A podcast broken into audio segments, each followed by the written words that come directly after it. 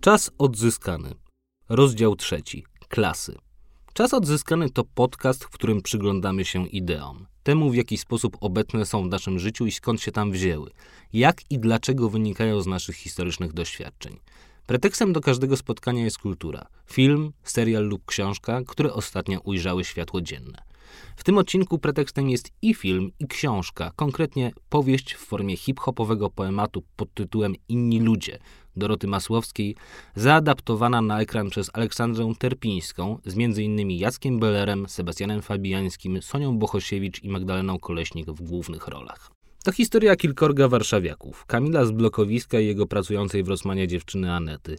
Kochanki Kamila, Iwony z eleganckiego apartamentowca oraz jej męża Marka. Wreszcie kochanki Marka, Klaudii, którym w trzy dni, dni, jak określa je Kamil, przejebane, życie rozpiża się w drobny mak. Mają pieniądze i nie mają pieniędzy. Mają marzenia i nie mają marzeń. Czekają na zdarzenie, które zmieni całe ich życie i już na nie nie czekają, wiedząc, że nigdy nie nastąpi. Kamil nigdy nie wyprowadzi się z blokowiska i nigdy nie nagra hip-hopowej płyty. Iwona nigdy nie rozstanie się z mężem i nie zazna prawdziwej miłości.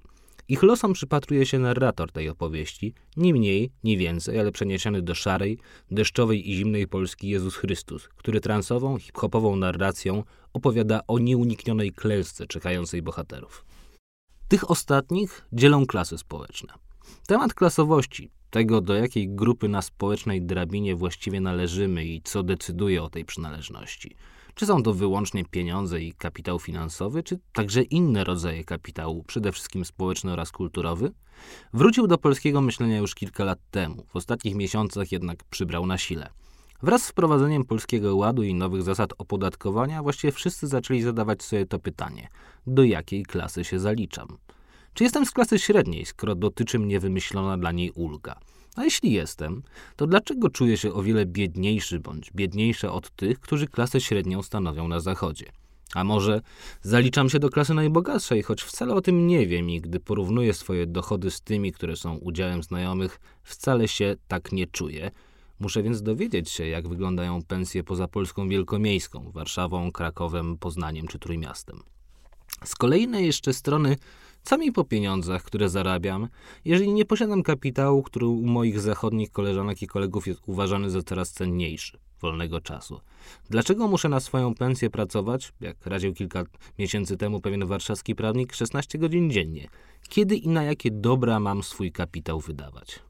Trzy lata temu analitycy firmy KPMG zadali pytanie najlepiej zarabiającym w Polsce. Co to jest luksus? By ogłosić, że to butelka wina za 1000 zł, samochód powyżej 315 tysięcy albo weekendowy wypad do spa dla dwóch osób za 4,5 tysiąca złotych. W tym samym raporcie pojawiła się informacja, że w Polsce jest już 116 tysięcy ludzi, których majątek netto przekracza milion dolarów. Stołowało nas to wówczas przed finami Y. Analitycy obiecywali wówczas, że będziemy jeszcze bogatsi, bo Polska była i jest w trendzie, w którym osób bogatych przybywa. Problem w tym, że, jak wynika z badań profesora Henryka Domańskiego, właściwie niewiele osób w Polsce marzy, by taki właśnie luksus był ich udziałem. Tym, co Polaków pociąga, klasą, do której aspirują, jest właśnie klasa średnia. W ich, w naszych wyobrażeniach to ta klasa, która ma nie tylko tyle, by jej starczyło do pierwszego, ale też tyle, by odłożyć. Poza tym posiada majątek trwały, najczęściej mieszkanie. Czy tak jest w istocie? Pisarz i muzyk Paweł Sołtys, szerzej znany jako Pablo Pawo, stwierdził kiedyś, że polską klasę średnią od stania się bezdomnymi dzielą trzy niespłacone raty kredytu hipotecznego. Jeśli przyjąć rozwiązania Polskiego Ładu, klasa średnia zaczyna się przy miesięcznych dochodach od 5701 zł, a kończy się na 11 141 zł brutto. Więc może są inne wyznaczniki tego, do jakiej klasy się należy. Może fetyszyzowanie samego kapitału finansowego jest błędem, a trzeba pomyśleć o dwóch innych wspomnianych wyżej. Może da się być klasą średnią, a nawet wyższą, nie posiadając własnego mieszkania i nawet nie myśląc o zakupie auta, posiadając jednak wyniesioną z domu bądź nabytą wiedzę o sztuce. Może da się być klasą średnią, a nawet wyższą, nie posiadając oszczędności, posiadając jednak znajomości, których nie ma ktoś, kto oszczędności posiada. Być może właśnie taki należy przyjąć cenzus w społeczeństwie na dorobku, w którym niewielu obywateli zdążyło zgromadzić bądź odziedziczyć większy majątek, a przynajmniej nie tak wielu obywateli jak w innych krajach Unii Europejskiej. Być może klasą średnią staje się dopiero w którymś pokoleniu. Leży ona na człowieku jak garnitur, który, by leżał dobrze, potrzebował wpierw leżeć na rodzicu i dziadku. O klasach, polskich klasach i polskim myśleniu o klasach porozmawiam dzisiaj z moimi gośćmi. Moją pierwszą gościnią będzie Dorota Masłowska, pisarka, autorka wspomnianych wyżej innych ludzi. W jakiej klasie się wychowała i jakie jej myślenie klasowe zmieniło się, kiedy dawno temu przyjechała do Warszawy, opromieniona wielkim sukcesem wojny polsko-ruskiej. Jak od tego czasu, początku naszego stulecia, zmieniła się polska stratyfikacja klasowa? W której klasie odnajduje się dzisiaj, a może uważa, że jest poza podziałem klasowym w ogóle? Jaki miał na to wszystko wpływ polski rap, którego języka użyła, by napisać tę powieść i który z muzyki ulic wszedł w ostatnich dwóch dekadach na salony. O klasach opowie także Sławomir Sierakowski, socjolog, publicysta, założyciel krytyki politycznej, a więc tego lewicowego środowiska, które od kilkunastu lat starało się i stara myślenie o klasach w Polsce przypominać. Z jakim odzewem spotykało się wtedy, a z jakim spotyka się teraz? To temat naszej rozmowy. Zapraszam.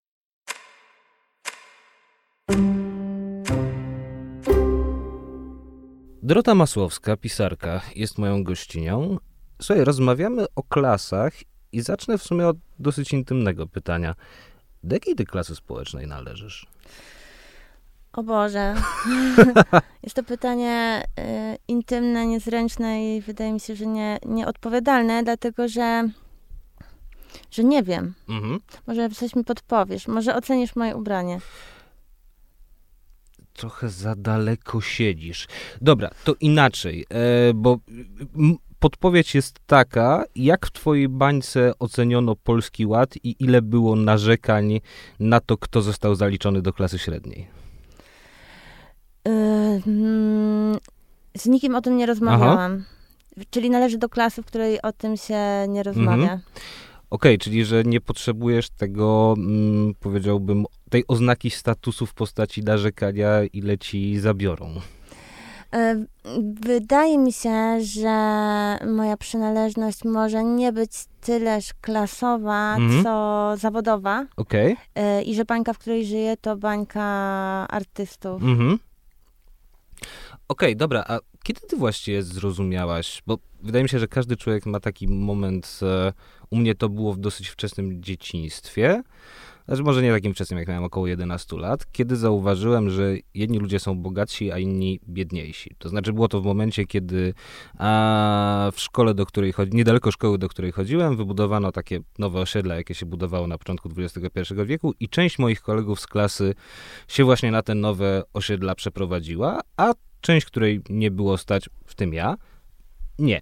I jakoś wtedy do mnie dotarło, że rzeczywiście podział klasowy w społeczeństwie istnieje. Oczywiście nie potrafiłem wtedy tego nazwać, ale jakoś to zrozumiałem.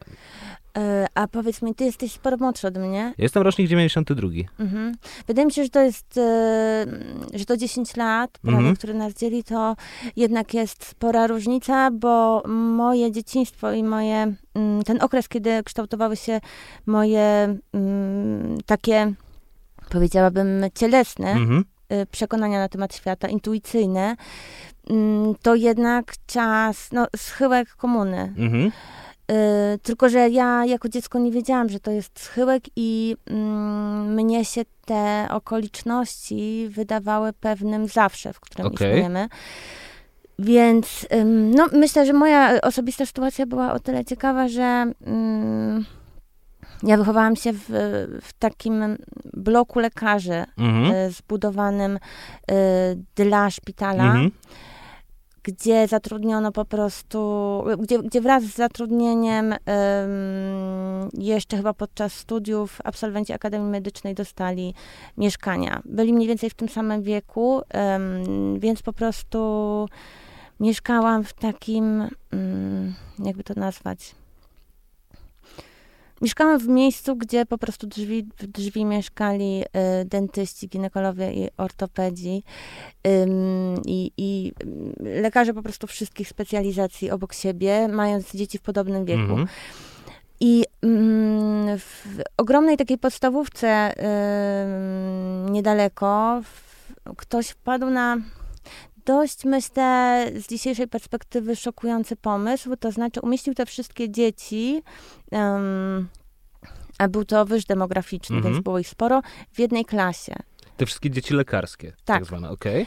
Przy czym em, była jeszcze, wśród bardzo, bardzo licznych klas tego rocznika, była jeszcze klasa, w której umieszczono dzieci z biednych rodzin, Mhm. dzieci z byłych PGR-ów. e, myślę też, że było tam kilku Romów. Em, No i ogólnie wszystkie dzieci, które nie stwarzały potencjału po prostu no takiego Że edukacyjnego. coś z nich będzie, tak, Tak. mówiąc po ludzku. Czyli takie Tak. odseparowanie ścisłe. Więc myślę, że o ile, o ile ta podstawówka była ogromna i chodziły y, do niej dzieci ze wszystkich Mhm. środowisk, bo po prostu wydaje mi się, że prywatne y, szkoły podstawowe to był wynalazek już początku lat 90. Tak, zdecydowanie. Mm, To znaczy, no to, były jeszcze tam w czasach komunizmu te szkoły dla dzieci prominentów, nie? Pr- Prowadzone przez Towarzystwo Przyjaciół Dzieci, ale to właściwie by się ograniczało chyba tylko do Warszawy. Tak, tak. Wie, więc chodziły tam dzieci wszystkich y, możliwych pochodzeń, natomiast były już jakoś wstępnie od siebie oddzielane. Mhm. I wydaje mi się, że to nie było właśnie nie ze względu na jakieś właściwości intelektualne, Mhm. a właśnie pochodzeniowe. Okej. Więc jest to jakaś, na pewno jest to jakaś ciekawostka. Jeżeli Mhm. tropimy moją klasę, no to ja jestem z takiego dziwnego tworu. Mhm.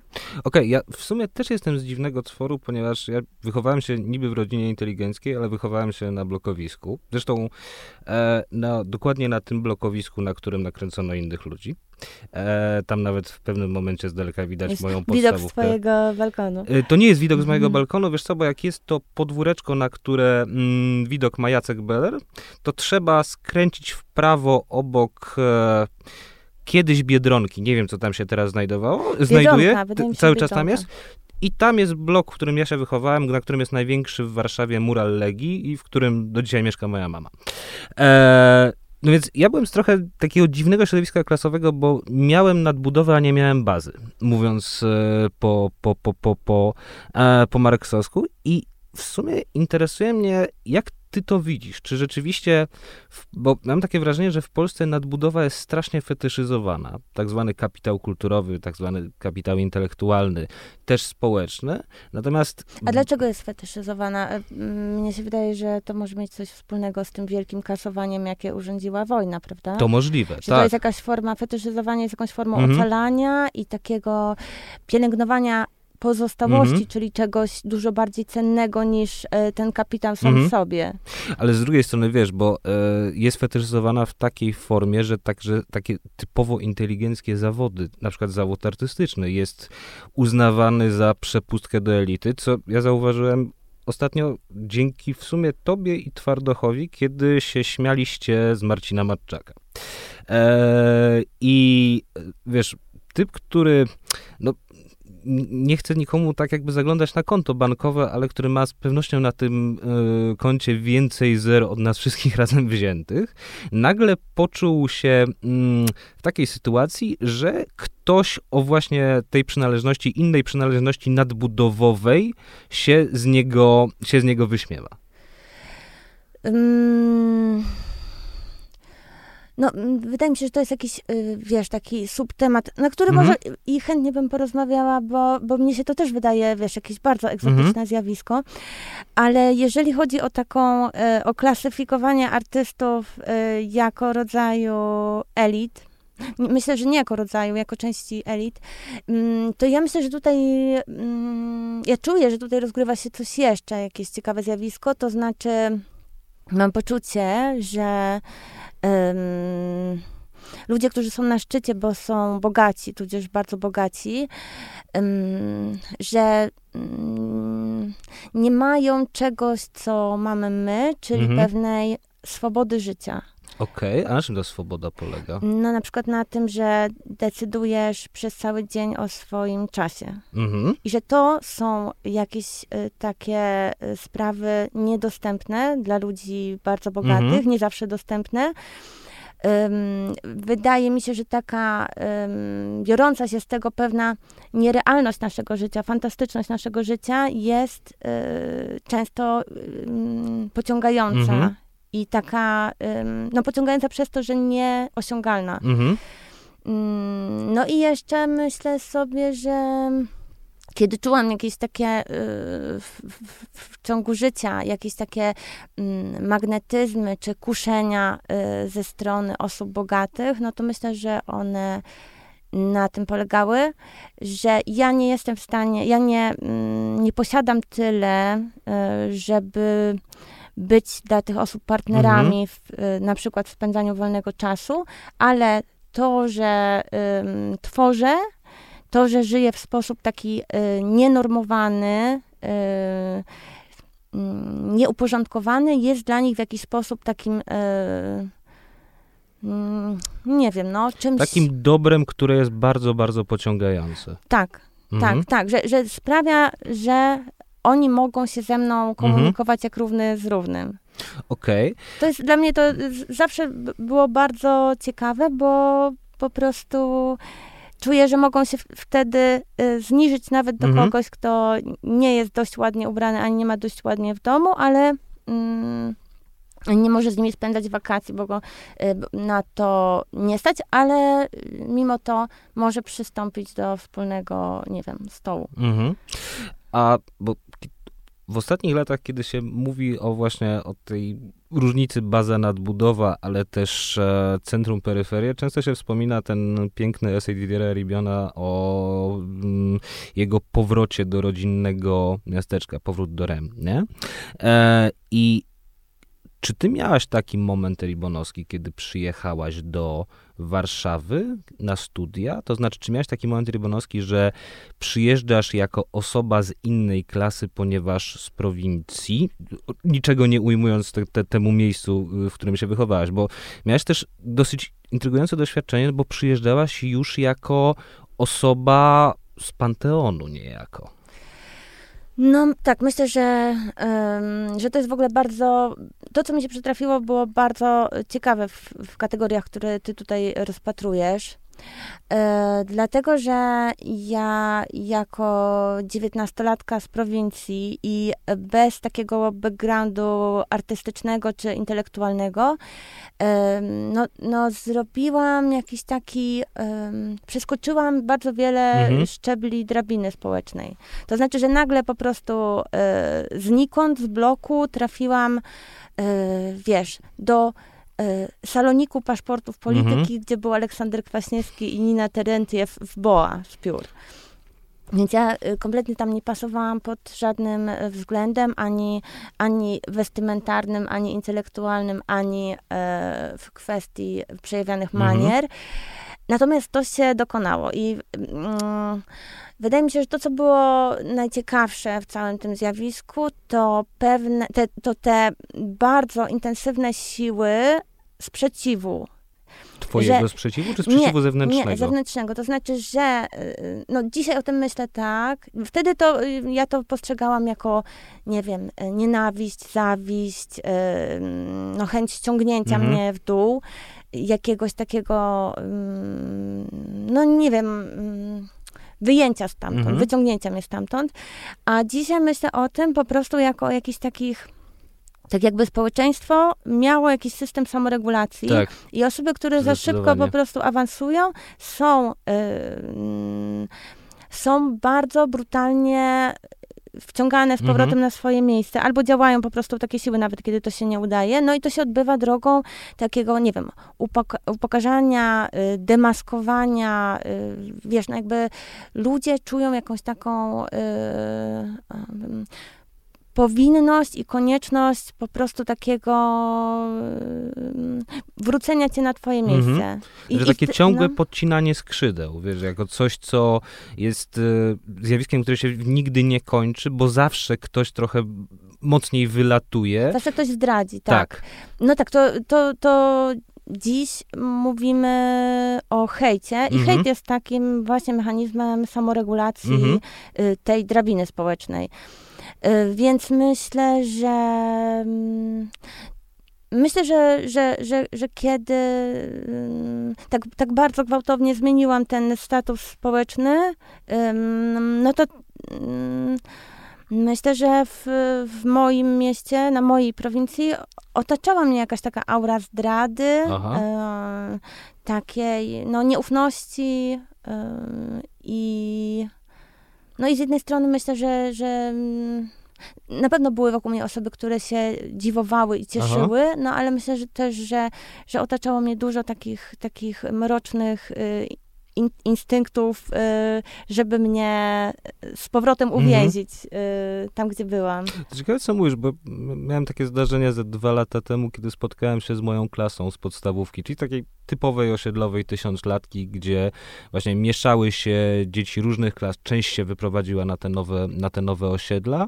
i to było takie pierwsze spotkanie od 2005 roku, więc po 15, po 15 latach, gdzie właściwie mm, ja poczułem, że jestem takim dziwnym obiektem zainteresowania i że potwornie niewygodnie się z tym czuję. I że, wiesz, że chętnie bym wrócił na to osiedle, na którym się wychowałem i tak chętnie bym się przeszedł po nim, chętnie bym na nowo e, poczuł się tym, nie wiem, dwunastoletnim chłopakiem, jakim kiedyś byłem, ale już nie za bardzo, mm, już za bardzo przyciągam spojrzenia. Właściwie nie wiadomo czym, bo wiesz, byliśmy ubrani podobnie, by, mieliśmy, nie wiem, no chodziliśmy mniej więcej na te same filmy do kina i tak dalej, i tak dalej, ale że coś się zmieniło i raczej powinienem wsiąść do Ubera i czym prędzej wracać do siebie. Ale jak to czujesz? Czy to jest, no mm, tak, że to jest rodzaj obcości tak, i takiej bycia nie na miejscu, ale y, czy to jest poczucie w tobie, czy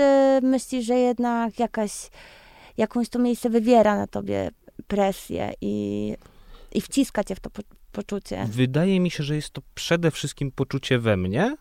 E, niemniej jakaś presja środowiskowa, jeśli ją tak można określić, także jest. To znaczy taka presja, że okej, okay, przyjechałeś do nas, ale właściwie to przyjechałeś w odwiedziny. Przyjechałeś zobaczyć, jak tutaj jest i spoglądasz na nas może to będzie za grube jak na jakieś dziwne zwierzątka i zaraz mm. wrócisz do siebie. Myślę sobie, na, na, ile doświadczasz czegoś takiego, czego ja doświadczam jako...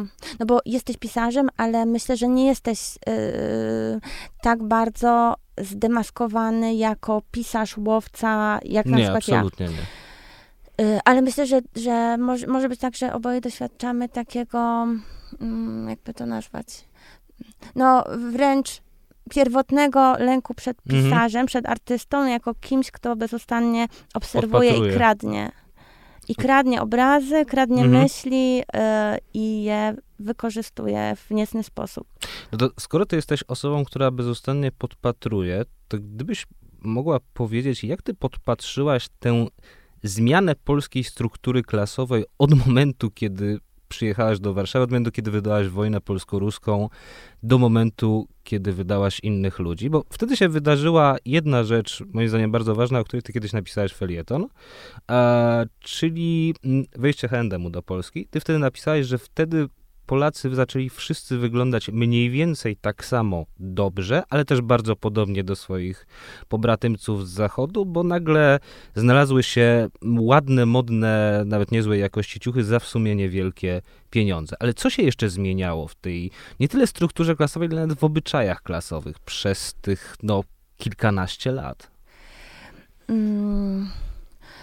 No zacznę od tego, czego jakoś moja myśl się uczepiła, czyli czy rzeczywiście jestem osobą, która bezustannie podpatruje, bo ja bardziej piłam do takiego e, wyobrażenia o, o, pisarzu czy pisarcy jako kimś na wiecznym safari, okay. e, takim socjologicznym.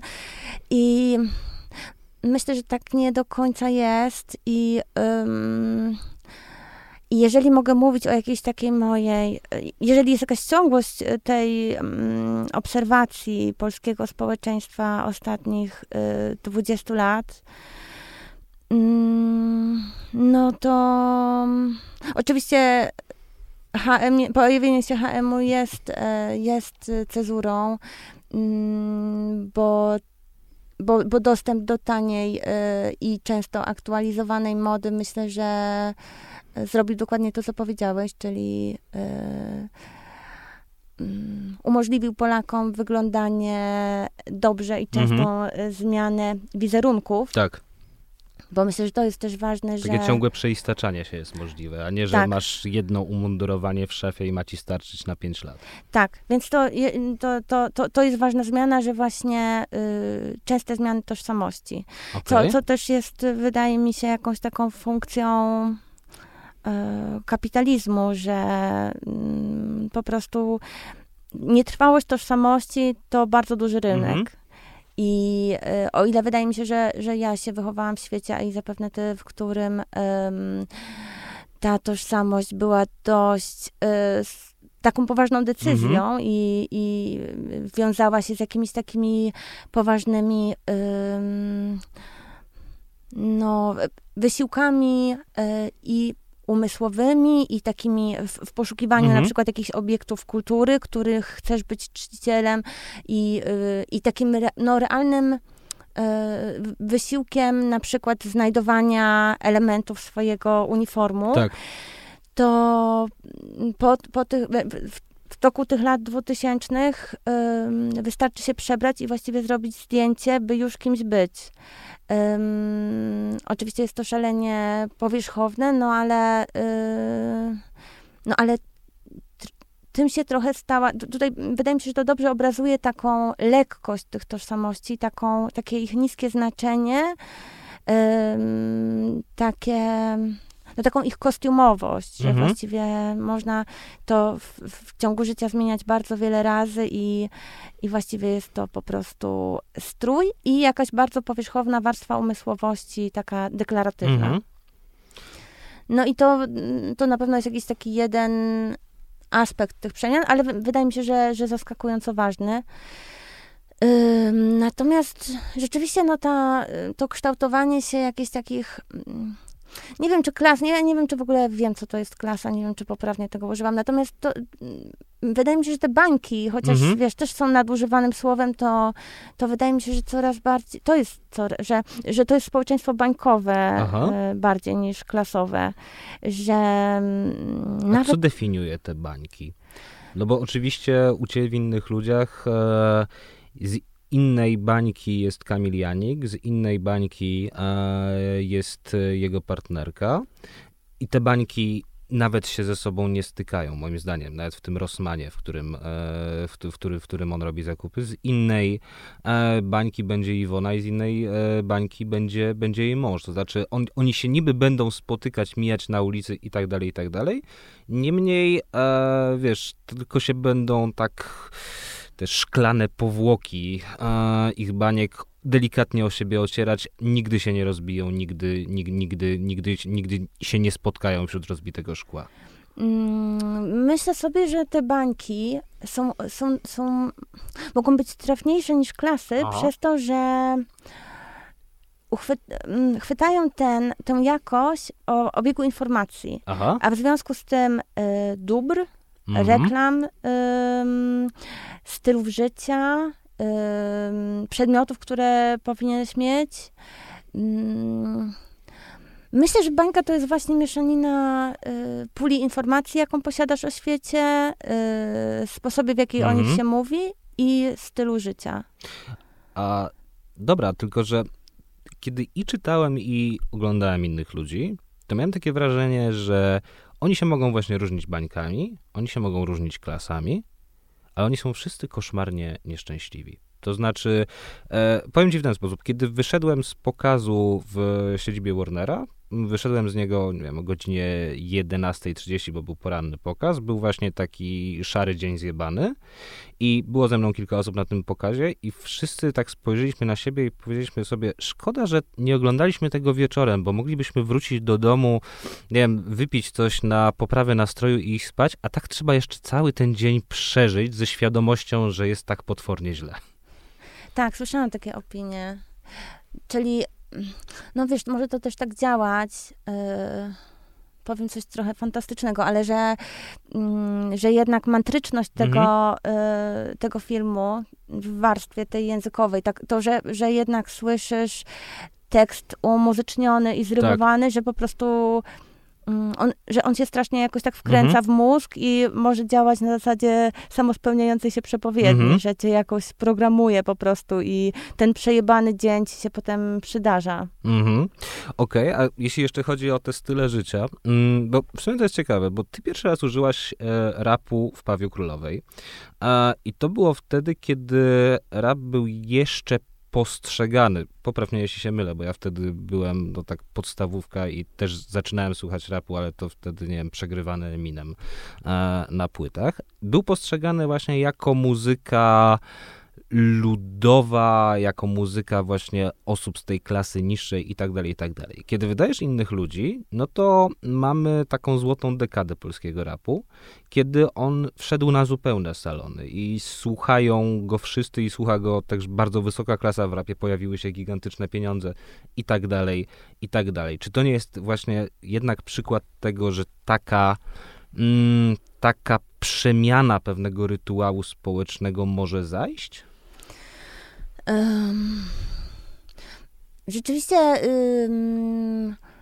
rzeczywiście, kiedy pisałam Pawia Królowej w 2004 czy 2003, y, rap był w tak innym momencie, polski rap był w tak innym momencie rozwoju, że ja że, że, używając tej stylistyki mieszałam ją z pieśnią dziadowską, no, mhm. czyli pieśnią podwórkową tak. i y, i, i, i wykorzystując taki, taki jego walor, wiesz, serdeczny, to znaczy, mhm. że on po prostu, że, że jest to pieśń śpiewana z serca, z bólu i z, y, z samego dna życia. Mhm. no i rzeczywiście y, moment, w którym wychodzą inni ludzie, jest momentem, kiedy rap jest przemysłem. Po tak. prostu nawet trudno uważać go za gatunek muzyczny, bo jest albo rodzajem muzycznym, mhm. albo po prostu kulturą. Y, kulturą i. Mm, i też, no właśnie, przemysłem, to znaczy yy, produkuje, nie mhm. tylko, pro, produkuje nie tylko y, muzykę, ale też przedmioty, koncerty. Przede wszystkim ciuchy ciuchy ym, i wizerunki. Mhm.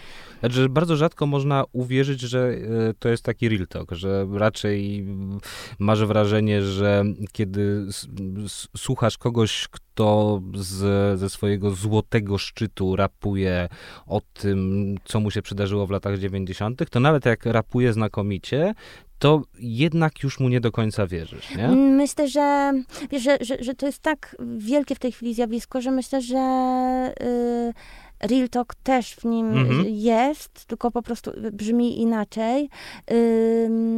no ale, ale, ale że, że, że, po prostu ten rap dobiega i z, po prostu z dna den i z, ze szczytów. I mhm. on jest po prostu super zróżnicowany, ale nie, nie, nie, wydaje mi się, że nie masz e, w tej chwili racji, że po prostu okay. on, jest, on ma zupełnie inną um, inną rozłożystość i rozciągłość i y, że, że mieści się w nim strasznie mhm. dużo rzeczy. Okej, okay, ale to jak tobie się w takim razie pisało tym takim nowym klasośredniowym rapem? Ten, tę powieść, a właściwie mm, ty powiedziałaś w jednym z wywiadów, że to jest twoja płyta, tylko że wydrukowana. Mm, ja bym to właściwie nazwał eposem bądź epopeją. Um, wiesz, no, e, to jest to rzeczywiście tak jest, że, że ja chciałam nagrać płytę, ale ponieważ za, kompletnie zakałapućkałam się w y, robieniu do niej muzyki, y, stwierdziłam, że, mm, że na tyle po prostu umiem sobie zrobić muzykę w języku, że sobie to wszystko napiszę. No i rzeczywiście jest tak, że dość łatwo mi to pisanie w tym stylu przychodzi, no ale to też y, mm, w dość oczywisty sposób nie jest y, rap jeden do jeden, tylko moja o nim fantazja. Aha. Moja fantazja, czyli y, osoby w jakimś tam stopniu oczytanej i utalentowanej literacko, więc pewnym no więc to jest wypaczone w, mhm. w, w takie, myślę, że wielomówne literacko strony. Mm, no i siłą rzeczy po prostu nie pokrywa się z tym, co jest w tej chwili na płytach rapowych, zwłaszcza, że, że tak jak mówiłam, są one bardzo różnorodne. Mm, jest moją impresją y, wokół tego, tego y, sposobu ekspresji mhm. i y, i jakimś takim idiomem. No jest to... Mm, no jest to jakiś taki twór. Dobra, a porozmawiajmy chwilę o tej klasie średniej z tej, e, z tej powieści, tego eposu i tego filmu. Bo ten pałac, który ta klasa średnia sobie wybudowała, wydaje się pałacem na, takim, na takich potwornie kruchych fundamentach. Trochę jak w tym ładnym powiedzeniu Pawła Sołtysa, że właściwie polską klasę średnią od bezdomności dzielą trzy raty kredytu e, mieszkaniowego. Jak właśnie ta niepewność, ta grząskość gruntu, po którym polska klasa średnia stąpa, wpływa na jej zachowanie, na jakieś jej rytuały, na to, jak się sama identyfikuje? Mm. Myślę sobie, że, że, że ta, ta grząskość gruntu i ta niepewność i niestabilność, że, że ona nie jest wyłącznie finansowa. Aha. Um, bo Myślę sobie, że, że to jest też jakaś taka, taka kondycja społeczna ufundowana na oddzielaniu się, okay. na czyszczeniu swojej rzeczywistości y, z, z, z, brudu i brzydoty i niebezpieczeństwa. Mm -hmm. Czyli na przykład y, strzeżone osiedla, mm -hmm. y, czyli na przykład domy z recepcjami, y, dzieci wożone do prywatnych szkół, a potem na zajęcia, y, jedzenie zamawiane do domu z restauracji. Myślę sobie, że to wszystko jest obliczone na takie, na unik jest zbudowane na unikaniu rzeczywistości. I, i, i, i to jest też mm, jakiś taki, taki słaby fundament. A to, co ty mówiłeś, skojarzyło mi się mm, też z, z, taką olbrzymią kruchością tych nowych, tych, tych takich neoosiedli, tych deweloperki, Aha. wiesz, że, że to są domy z bardzo cienkimi ścianami tak. i, y, i jakby takie, takie domy, które możesz sfotografować, sfotografować na Instagrama i umrzeć, nie? Mhm. Że po prostu one mają ten, um, ten taki, ten, ten taki aspekt dekoracji teatralnej. Jasne, one się której... potrafią wydawać, nie? Tak, tak, tak, że one po prostu świetnie wyglądają na zdjęciach i są bardzo kruche. Mhm. Są bardzo, wiesz, y, takie byle jakie. Mhm. I to pewnie się okaże w przeciągu 5, 10, 20 lat, ale... Też ja w czymś takim teraz mieszkam. I wolałbym, żeby, żeby tak się nie okazało. No właśnie, ale to, to dobrze, że to mówisz, bo bo, bo kiedy y, zapędzamy się w takim y, obgadywaniu y, tych stylów życia, to pamiętajmy, że one nigdy nie są tak klarowne jak w tych obmowach. Mhm. To znaczy, że wszyscy przejawiamy takie aspekty w swoim życiu. Wszyscy praktykujemy niektóre z tych rytuałów, rytuałów i nie jesteśmy od nich wolni. Ja też nie jestem, więc. Mm, więc tutaj mówimy o jakiejś takiej sytuacji laboratoryjnej, tak. a wiadomo, że... że... Znaczy, no nie, no nie jesteśmy entomologami, którzy patrzą na owady, które są już spreparowane, żeby zbadać rozmaite, rozmaite ich chrząstki, nie? To znaczy, że jesteśmy i badaczem, i badanym właściwie. To prawda, no. Więc um, obgadując moich bohaterów, um, to myślę, że niepewność tej, tej pozycji, też takie często wydrapanie jej sobie, mhm. wiesz, wyszarpanie, wypracowanie, yy, bo, bo myślę sobie, że za tymi mieszkaniami, za tymi kredytami yy, jest często bardzo, bardzo ciężka praca. Taka jasne, praca tak. ponad siły i, i takie mm, zaprzeczenie sobie, zaprzeczenie swoim pragnieniom, swoim marzeniom, y, swojej wolności też, tak. y, żeby gdzieś tam się no po prostu ktoś wyobraża, tak sobie wyobraża, y, ktoś sobie tak wyobraża no siebie, no, mhm. i swoje życie. Siebie w oddzieleniu od tak, tak, mhm. tak. Od złego świata, tak? Tak. Więc, mm, więc tak, myślę, że to, że, że Iwona i Maciek z innych ludzi to, to jakaś taka mhm. sytuacja. A w jaki sposób te praktyki oddzielania wpływają a, na ciało? Bo w samym filmie te wszystkie typy są znakomicie dobrane. To znaczy, jak ja patrzę na Jacka Bellera a, w roli Kamila, to widzę, i to jest, to jest duży komplement, to, że użyję tego słowa, to, to, to, to nie jest pomyślane jako belga. Widzę takich szczurków ode mnie z osiedla, takich, których ja pamiętam, jak mieliśmy nie wiem, po 17 lat, z którymi sobie wspólnie pod klatką paliliśmy papierosy, nie? Takich właśnie w dresach, z takimi twarzami i tak dalej, i tak dalej. Kiedy patrzę, e, kiedy, kiedy patrzę na Iwonę, widzę moje sąsiadki. E, I kiedy czytam, że mm, i, i, i, słyszę w filmie o tym, jak e, córka mm, jej partnera wyrzuca, że były pieniądze na to, żeby Iwona mogła sobie zrobić biust, to interesuje mnie właśnie, w jaki sposób ciało też jest elementem dystynkcji klasowej w Polsce w tym momencie. Myślę sobie, że im bardziej pniesz się po szczeblach kariery, e, tym surowsze dotyczą cię wymogi Aha. E, estetyczne. Myślę, że myślę, że przede wszystkim porządkuje je y, zapobieganie starzeniu. Mhm.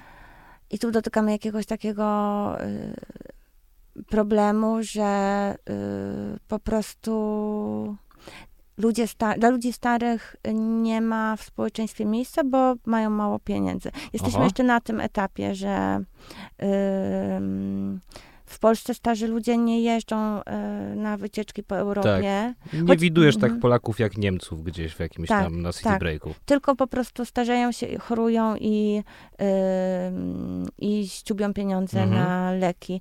Więc y, jest to naj, najgorszy, najgorszy możliwy los, jaki sobie można wyobrazić, najgorsze możliwe skojarzenie, więc wszyscy próbują to y, maksymalnie od siebie odsunąć i podnieść swoją taką aktualność i atrakcyjność przez właśnie rozmaite y, zabiegi medycyny estetycznej, czy, y, czy właśnie jakieś takie... Diety pudełkowe. Diety pudełkowe i, y, i sporty mhm. treningi z personalnymi trenerami albo na siłowniach. Zresztą dopiero co wczoraj myślałam o tym, o tym jak przynajmniej w Warszawie w krajobraz już na trwałe wpisały się te, no coś, co znałam ze Stanów, czyli takie piętra szklanych wieżowców, na których ludzie mm, ćwiczą na bieżniach Że i takie siłki jak sztangi. Warsaw Spire na przykład. Tak. Która tak, jest tak. zresztą bardzo fajną siłownią, bo jest czynna tam 24 Też godziny. na nią chodzisz?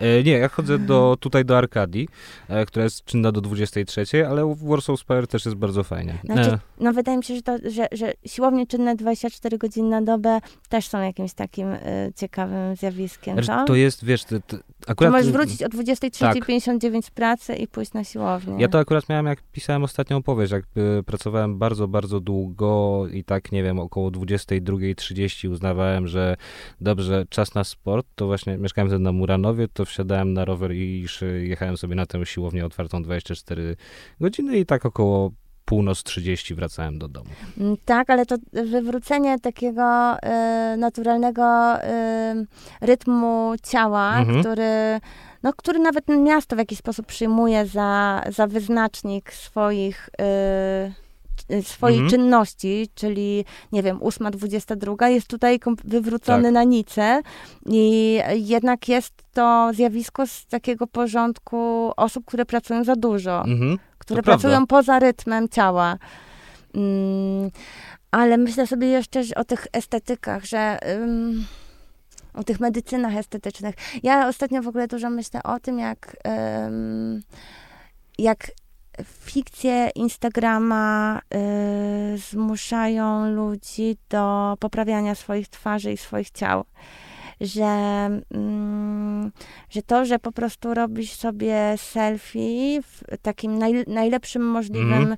ustawieniu swojej twarzy, a y, aparat w twoim telefonie filtruje to zdjęcie i jeszcze je upiększa, powoduje, że zaczynasz wierzyć w taką, a nie inną swoją twarz na tyle, że jesteś w stanie po prostu przy niej majstrować i ją rzeźbić. Ale tak coraz tak długo... rzadziej spoglądasz w lustra, bo nie chcesz zobaczyć tej swojej prawdziwej. Tak, ale to wiesz, jakby to jest, to jest taka y, stwórcza moc y, Instagrama, nie? Mhm. Taka, no i taka mm, jego aktyw, aktywna rola w rzeczywistości, mhm. zmieniająca rzeczywistość. A jeśli jeszcze chodzi o estetykę, e, to dopiero teraz przy powtórnej lekturze innych ludzi na to zwróciłem uwagę, że jest jedno nazwisko ze sfery publicznej, które się tam pojawia bardzo często.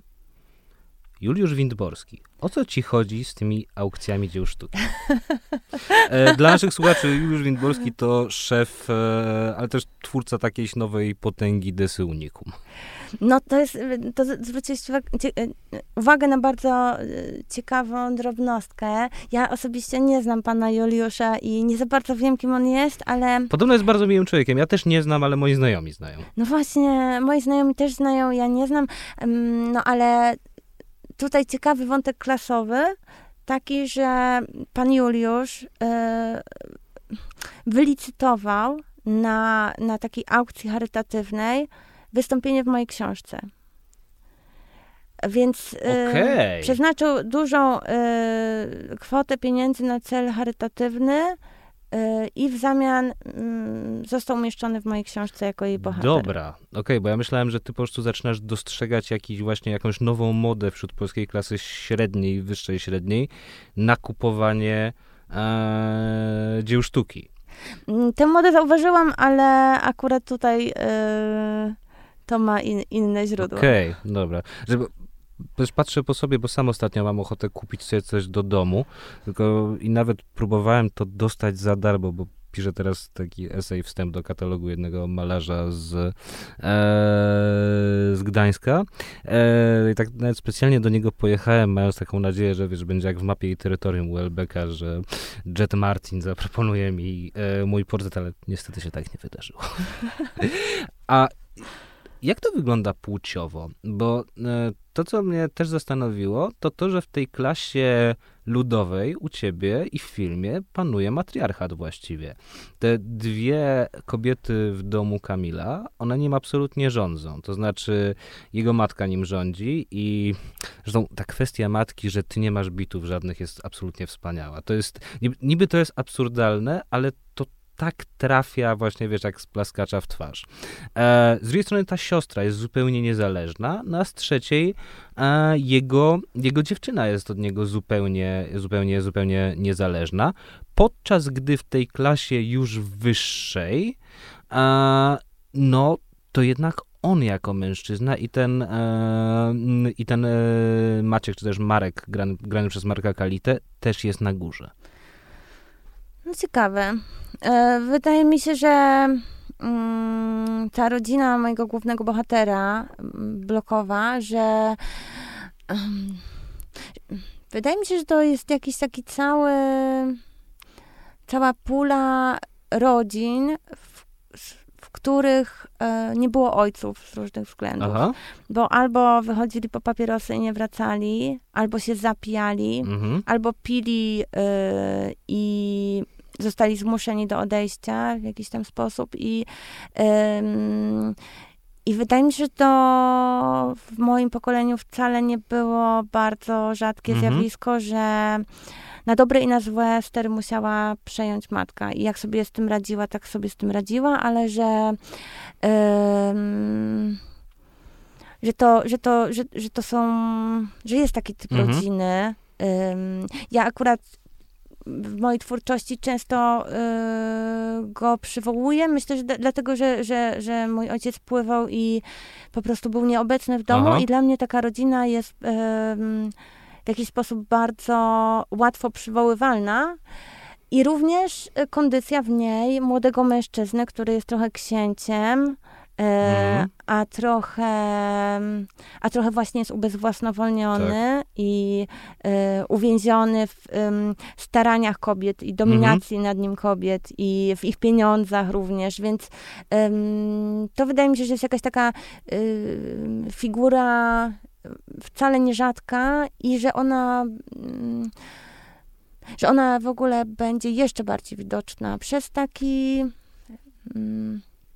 przez w ogóle takie słabnięcie mężczyzn, przez to, że bardzo wielu z nich zostało tak wychowanych i Aha. też w jakimś takim mm, no właśnie przez kobiety służące, przez kobiety asystentki, przez kobiety piorąco, sprzątająco, gotujące. To ja mm. byłem wychowywany właśnie przez e, samotną mamę, ale to polegało na tym, że ja się dosyć szybko nauczyłem prać i odkurzać.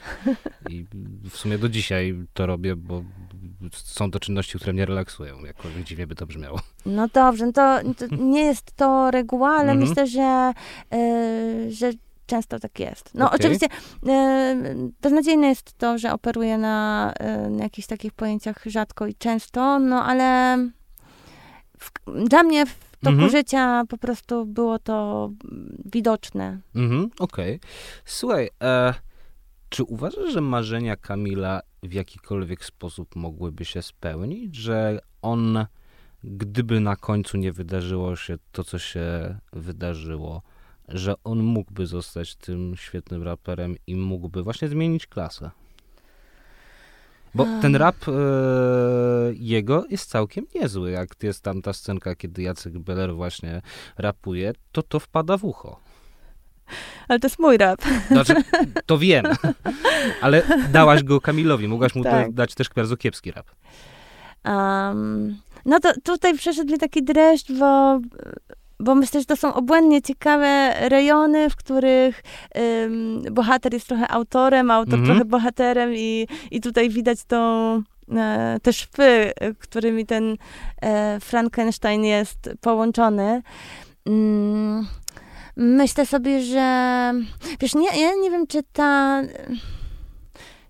jest taki typ w kosmosie takiego marzenia niespełnialnego. Mhm. E, takiego marzenia, które na zawsze pozostaje e, marzeniem i takim ma pozostać, wiesz, że Aha. po prostu, że jego właściciel, jego e, pielęgniarz e, wcale go tak naprawdę nie chce spełnić, tylko chce udowodnić, że, że nie może. Okej. Okay. Więc ja nie wiem, czy to nie jest na przykład taki typ y, marzenia. Y, z drugiej strony myślę sobie, że przecież w, w tym starym rapie, y, nim, nim stał się takim, taką gałęzią przemysłu, no to były wyłącznie takie historie. No właśnie. To znaczy właściwie było nie, nie, nie, niewykonalne, żeby jakiś banan po prostu nagle wjechał w złotych adidasach i tak. zaczął dobrze rapować, tylko właśnie... Znaczy 20 lat temu Mata by nie miał wejścia. Nie miałby wejścia. Tak samo jak trochę nie... Nawet właśnie to dzisiaj nie ma wejścia Sebastian Fabiański, który jest postrzegany przez raperów właśnie jako banan, nie? A który w tym filmie, mm. znaczy, okej, okay, ja mogę być nieobiektywny, ponieważ ja go uwielbiam jako aktora i jestem chyba jedną z nielicznych osób, którym mu się bardzo podobała jego płyta. Eee, ale uważam, że ten jego, to jak on rapuje w tym filmie jest fantastyczne. Mm, Sebastian jest bardzo utalentowanym e, aktorem. E, ja nie wiem, czy, czy, czy, czy jego niemożliwość, yy, czy to, że ten rap go po prostu totalnie wypiera i wypycha i nie pozwala mu wejść, czy jest to wyłącznie kwestia jego bananowości, Aha. czy tutaj rozgrywa się coś jeszcze, ale nie mnie to oceniać. Yy, natomiast. Yy, o czym mówiliśmy, bo zapomniałam? O tym, że kiedyś właśnie rap był takim, wiesz, e, że z podwórka tak. na Bali. Tak, że, że yy, właściwie to właśnie to takie że tak powiem, niskie pochodzenie, y, ciągnięcie za sobą bagażu y, problemów, z których przynajmniej część jest w jakiś sposób społeczna, uprawniało cię do robienia tej mhm. y, kariery teraz już, już tak nie ma. Teraz już rzeczywiście może być inaczej. Słuchaj, bo skoro mówiliśmy o Fabiańskim, a w filmie Jezus jest od samego początku, prawda? I od samego początku to wszystko, co się dzieje, wydaje się takim wielkim kosmicznym planem. W książce on się pojawia na końcu. Nie? Jak ty widzisz te różnice właśnie między, między, między jego obecnością w w, u ciebie i u Aleksandry Terpińskiej, bo ja to odczytałem tak, że w filmie od samego początku jest pokazane, że ten potworny świat nie ma właściwie żadnej szansy na zbawienie, a mm, u ciebie, że ca, cały czas ta szansa niby, niby, niby, niby jakoś jest właśnie, to marzenie może się zrealizować, no ale na koniec wchodzą niebiosa i mówią, nie ma opcji. No ciekawe, to jakaś... Yy, musiałby zbadać to jakiś literaturoznawca, bo ja mogę mówić wyłącznie o takich no, o, o, o miejscu, gdzie się stykają mhm. kwestie artystyczne z takimi totalnie e, praktyczno-konstrukcyjnymi. Mm, myślę, że ja jako pisarka mogę sobie pozwolić na pewną bezkształtność y, mojego dzieła, to znaczy, zwłaszcza przy takiej książce, mhm. gdzie, gdzie najważniejszy jest ten język i on może być magmą i właściwie Mm, może wydarzyć się cokolwiek. Natomiast myślę, że to jest kwestia filmu, który, którego wymogi konstrukcyjne są dużo mhm. mniej, mniej elastyczne, ale myślę też, że Aleksandra jako, jako twórczyni jest bardzo. myślę, że, że, że ona jest po prostu taką fachurą i y, bardzo sprawnie chce opowiedzieć okay. historię. Chce ją widzą w jakiś sposób uporządkować, ułatwić, żeby no po prostu wie, jak przeprowadzić rozmaite napięcia, y, tak żeby one naprawdę zadziałały. Y, I, I stąd ten Jezus narrator. Mhm. Okay. którego wymyśliła jako kogoś, kto po prostu uporządkuje tę historię i ją zepnie. Okay. Więc obawiam się, że stoją za tym aż tak praktyczne rzeczy, a, a, a niekoniecznie jakieś, wiesz, historiozofię. Okej. Okay. E, tę bardzo dobrze opowiedzianą historię, a właściwie tej bardzo dobrze opowiedzianej historii, niech Państwo nie popełniają mojego błędu i nie oglądają przed południem. Dorota Masłowska, pisarka, autorka innych ludzi, była moją gościnią. Dziękuję bardzo. Dziękuję bardzo.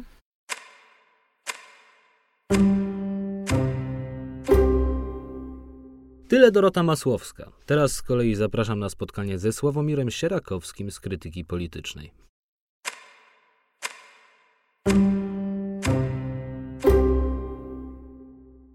Sławomir Sierakowski, publicysta, współzałożyciel krytyki politycznej, felietonista polityki i Onetu jest moim gościem. Dzień dobry. Dzień dobry. E, słuchaj, kiedy do polskiego dyskursu wróciło myślenie klasami? Bo przez pewien czas, przynajmniej takie mam wrażenie, go nie było. Ono było jakoś zapomniane i uznane za, no powiedzmy, niezbyt właściwą albo niezbyt akuratną metodologię. Nie, nie, to w ogóle nie miało związku z metodologią. To mm. było bardzo po prostu polityczne, w tym sensie, w jakim słowo klasa, klasowość było skompromitowane mm. przez mhm. komunizm. To była część tego słownika znienawidzonego. E, tak jak wiele innych słów, które są całkowicie normalne, neutralne wręcz mhm. E, w humanistyce. E, no ale o, w tym, o tyle, o ile komuniści byli takim rakiem trochę na, na, na, na rozmaitych socjaldemokratycznych ideach, ale też na socjologii w ogóle, ale także na literaturze. No, skompromitowali mhm. wiele bardzo dobrych nazwisk literackich, szczególnie w no, Rosji. No, rozmawiamy w dzień po rocznicy śmierci Władysława Broniewskiego. No, właśnie, to jest też postać, którą trzeba jakoś odzyskać. Mm -hmm. ona, ma, ona ma zresztą bardzo piękne i, i takie karty w historii, powiedziałbym, kiedy Broniewski błyszczał odwagą, więc mm -hmm. to mhm. nie jest jakiś taki, to jest, ale to jest czwarty wieszcz według mnie.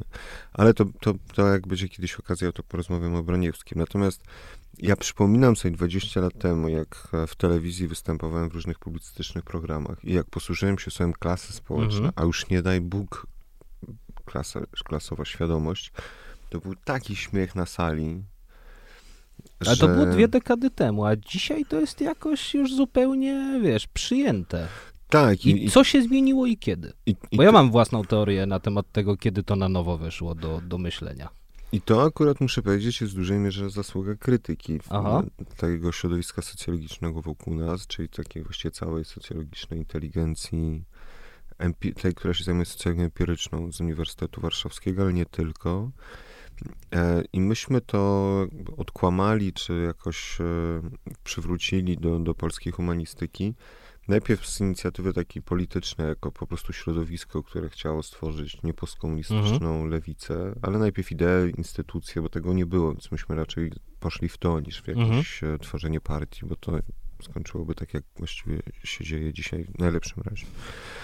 A, a, a z kolei w humanistyce, no to po prostu drukując mhm. książki takich intelektualistów jak Bourdieu, mhm.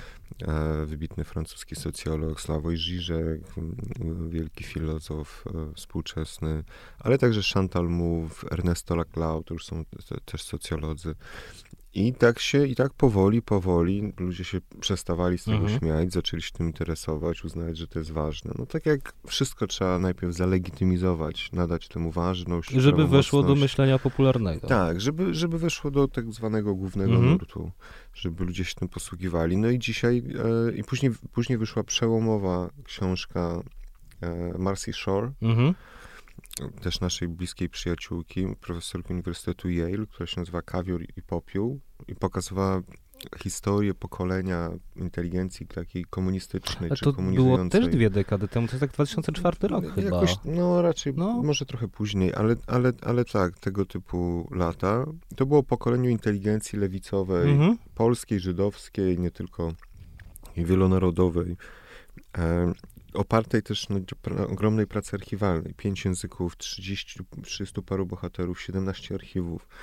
To była taka historia społeczna napisana mhm. od tej strony, bardzo, bardzo zresztą taka romantyczna, porywająca, świetnie napisana książka, bardzo polecam. Przełomem była książka Andrzeja Ledera. Czyli Prześniona rewolucja. rewolucja. To, Ezu, pamiętam jak jeszcze zanim wyszła książka, pamiętam ten dzień, kiedy był, wiesz, tekst opublikowany, z którego się potem książka wzięła. Tak, tak, I nagle ten tekst, nie wiem, wyszedł rano i nagle wieczorem się spotkałem ze znajomymi i wszyscy o tym mówili. Znaczy wszyscy mieliśmy takie poczucie, że przeczytaliśmy coś niesamowicie ważnego i coś, co już dawno temu powinniśmy byli przeczytać, bo coś nam to bardzo uświadomiło. Żeby streścić, jeśli Państwo nie czytali, główna teza Andrzeja Ledera brzmi mniej więcej tak, że e, na przełomie lat 40. i 50. dokonała się w Polsce rewolucja, zupełna zmiana struktury społecznej, to znaczy wielki awans klasowy przez migrację ze wsi do miast, ale też poprzez e, zgładzenie dużej części obywateli Polski przedwojennej pochodzenia żydowskiego, które to zgładzenie stworzyło taką dziurę, wyrwę, którą trzeba było jakimś nowym rodzajem mieszczaństwa, z braku lepszego słowa zapewnić. Tylko słuchaj, Ale to, to uzupełnijmy, bo no. to, to, to nie jest jeszcze ten komponent, który tutaj największe wrażenie zrobił, ale znaczy, największe wrażenie zrobiło to, że to było zupełnie zapomniane, że to zostało przeżyte nie, nie, nieświadomie. Nie, nie, to znaczy największe znaczenie miało to, że, że Polacy e, że Polacy wprawdzie sami nie zainicjowali Holokaustu, mm -hmm. a mhm. ten Holokaust właśnie umożliwił tę rewolucję burżuazyjną, czy, czy ją e, jakby zastąpił w, w Polsce, czyli po prostu nadanie tej właśnie masowej własności grupie dotąd w społeczeństwie wcześniej rolniczym mm -hmm. i, i to przejęcie majątków żydowskich, domów, wejście do miast, miasteczek, to wszystko dokonało się wprawdzie niekoniecznie rękami Polaków, ale też mm -hmm przy jakiejś współpracy, ale przede wszystkim e, Polacy z tego, e, Polacy nie płakali, nie tylko nie płakali po Żydach, ale byli wręcz, e, odczuwali pewnego rodzaju, to już jest język psychoanalizy mhm. takiej lakanowskiej, rozkosz albo w takim sensie, że to, to, to, rozkosz to jest naprawdę takie socjologiczne pojęcie, ono brzmi po polsku trochę tak jak... Erotycznie, ale nie o to no chodzi. No tak, tak, ale generalnie, generalnie jest tak, że, że ktoś cudzymi ręk, rękami zrobił to, co, o czym sami Polacy marzyli, czy chcieliby zrobić. E, I I tak rzeczywiście stało. W tym sensie mamy prawo się czuć jakoś tam odpowiedzialni, wymazywać to mhm. w pamięci. To są, to są, I tego typu motywacje, stąd tak trudno odkłamać było później ten temat i, i Jedwabne Grossa było takim przełomem. I druga rzecz, no to jest to, że komuniści zlikwidowali mieszczaństwo w Polsce, nie, ziemiaństwo mhm. w Polsce, no i w ogóle zrobili pierwszą taką poważną reformę rolną. Więc, więc Polacy mają takie przekonanie, że, że to inni tak. E, zrobili te wszystkie takie rzeczy straszne, choć sami braliśmy w tym udział i przez to, że, e, że, że żyjemy w takim, w takim przekonaniu, nasza klasa średnia jest taką klasą niepodmiotową. A to jeszcze tylko ci przerwę. Czy ty zacząłeś wtedy jakoś myśleć, e, po przeczytaniu Ledera, po zapoznaniu się z tymi ideami, jakoś zacząłeś myśleć o historii własnej rodziny? Bo ja tak i nagle wreszcie zrozumiałem, dlaczego moja mama wychowała się na Mokotowie, a babcia urodziła się w Końskich i przyjechała do Warszawy na początku lat 50. Zrozumiałem, dlaczego tak wyglądały, a dlaczego tak wyglądały właśnie losy mojej rodziny ze strony mamy. Wcześniej w ogóle o tym nie myślałem. Ja mówiąc szczerze, jakoś u mnie w rodzinie jakieś mity były takie mhm. E, na temat e, przede wszystkim Zygmunta Sierakowskiego, czyli dyktatora powstania mhm. styczniowego na Litwie, jednego z dwóch właściwie przywódców i bohatera Litwy, Białorusi.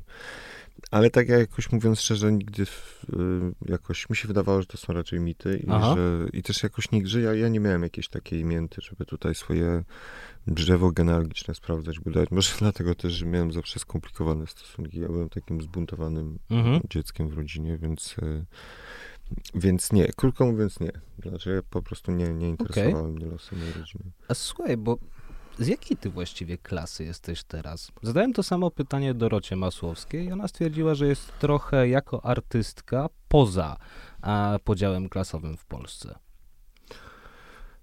No to jak tak stwierdziła, to pewnie tak jest, ale e, nie, nie, nie, będę tutaj Doroty... E, ale pytam o ciebie. Do, do, Dorocie jakiegoś dowodu osobistego z klasy, albo klasy dopisał do dowodu osobistego.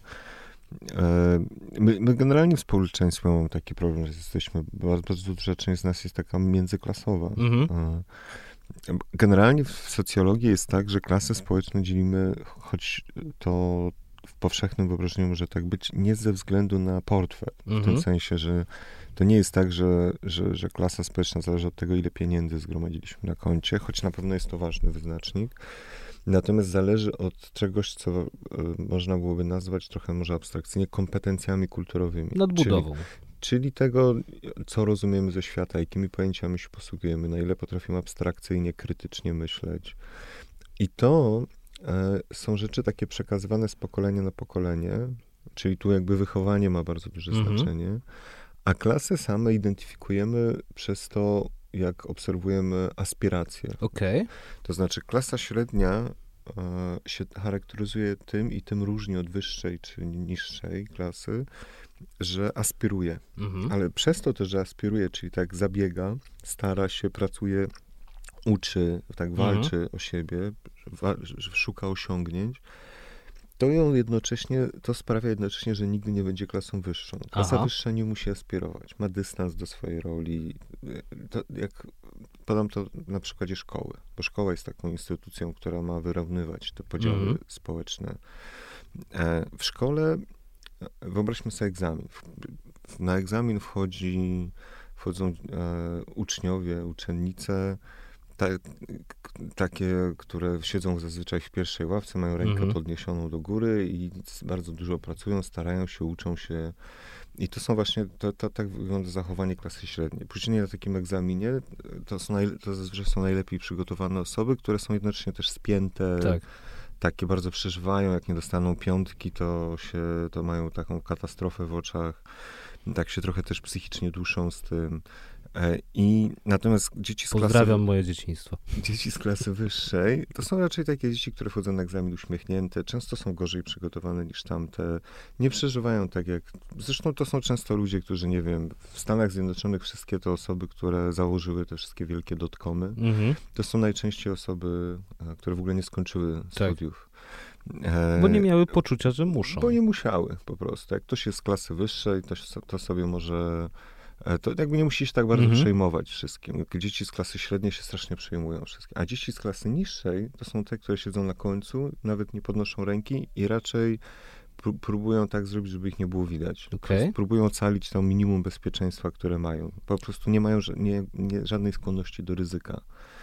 E, I to jest, e, więc z grubsza rzecz biorąc, podział klasowy wygląda mniej więcej tak. No, no i więc, on raczej dotyczy, powiedziałbym, tego, co Bourdieu nazywa habitusem, mhm. czyli takiego...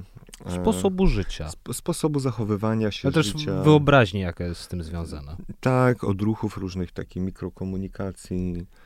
Mm.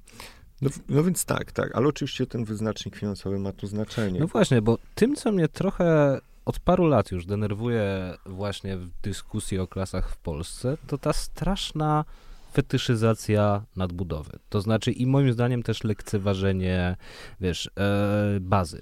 I podam ci e, taki przykład, to było z półtora roku temu, moja mm, koleżanka powiedziała, a, że była ostatnio na wakacjach i tam widziała właśnie takie osoby z klasy niższej i bardzo źle się przy nich czuła.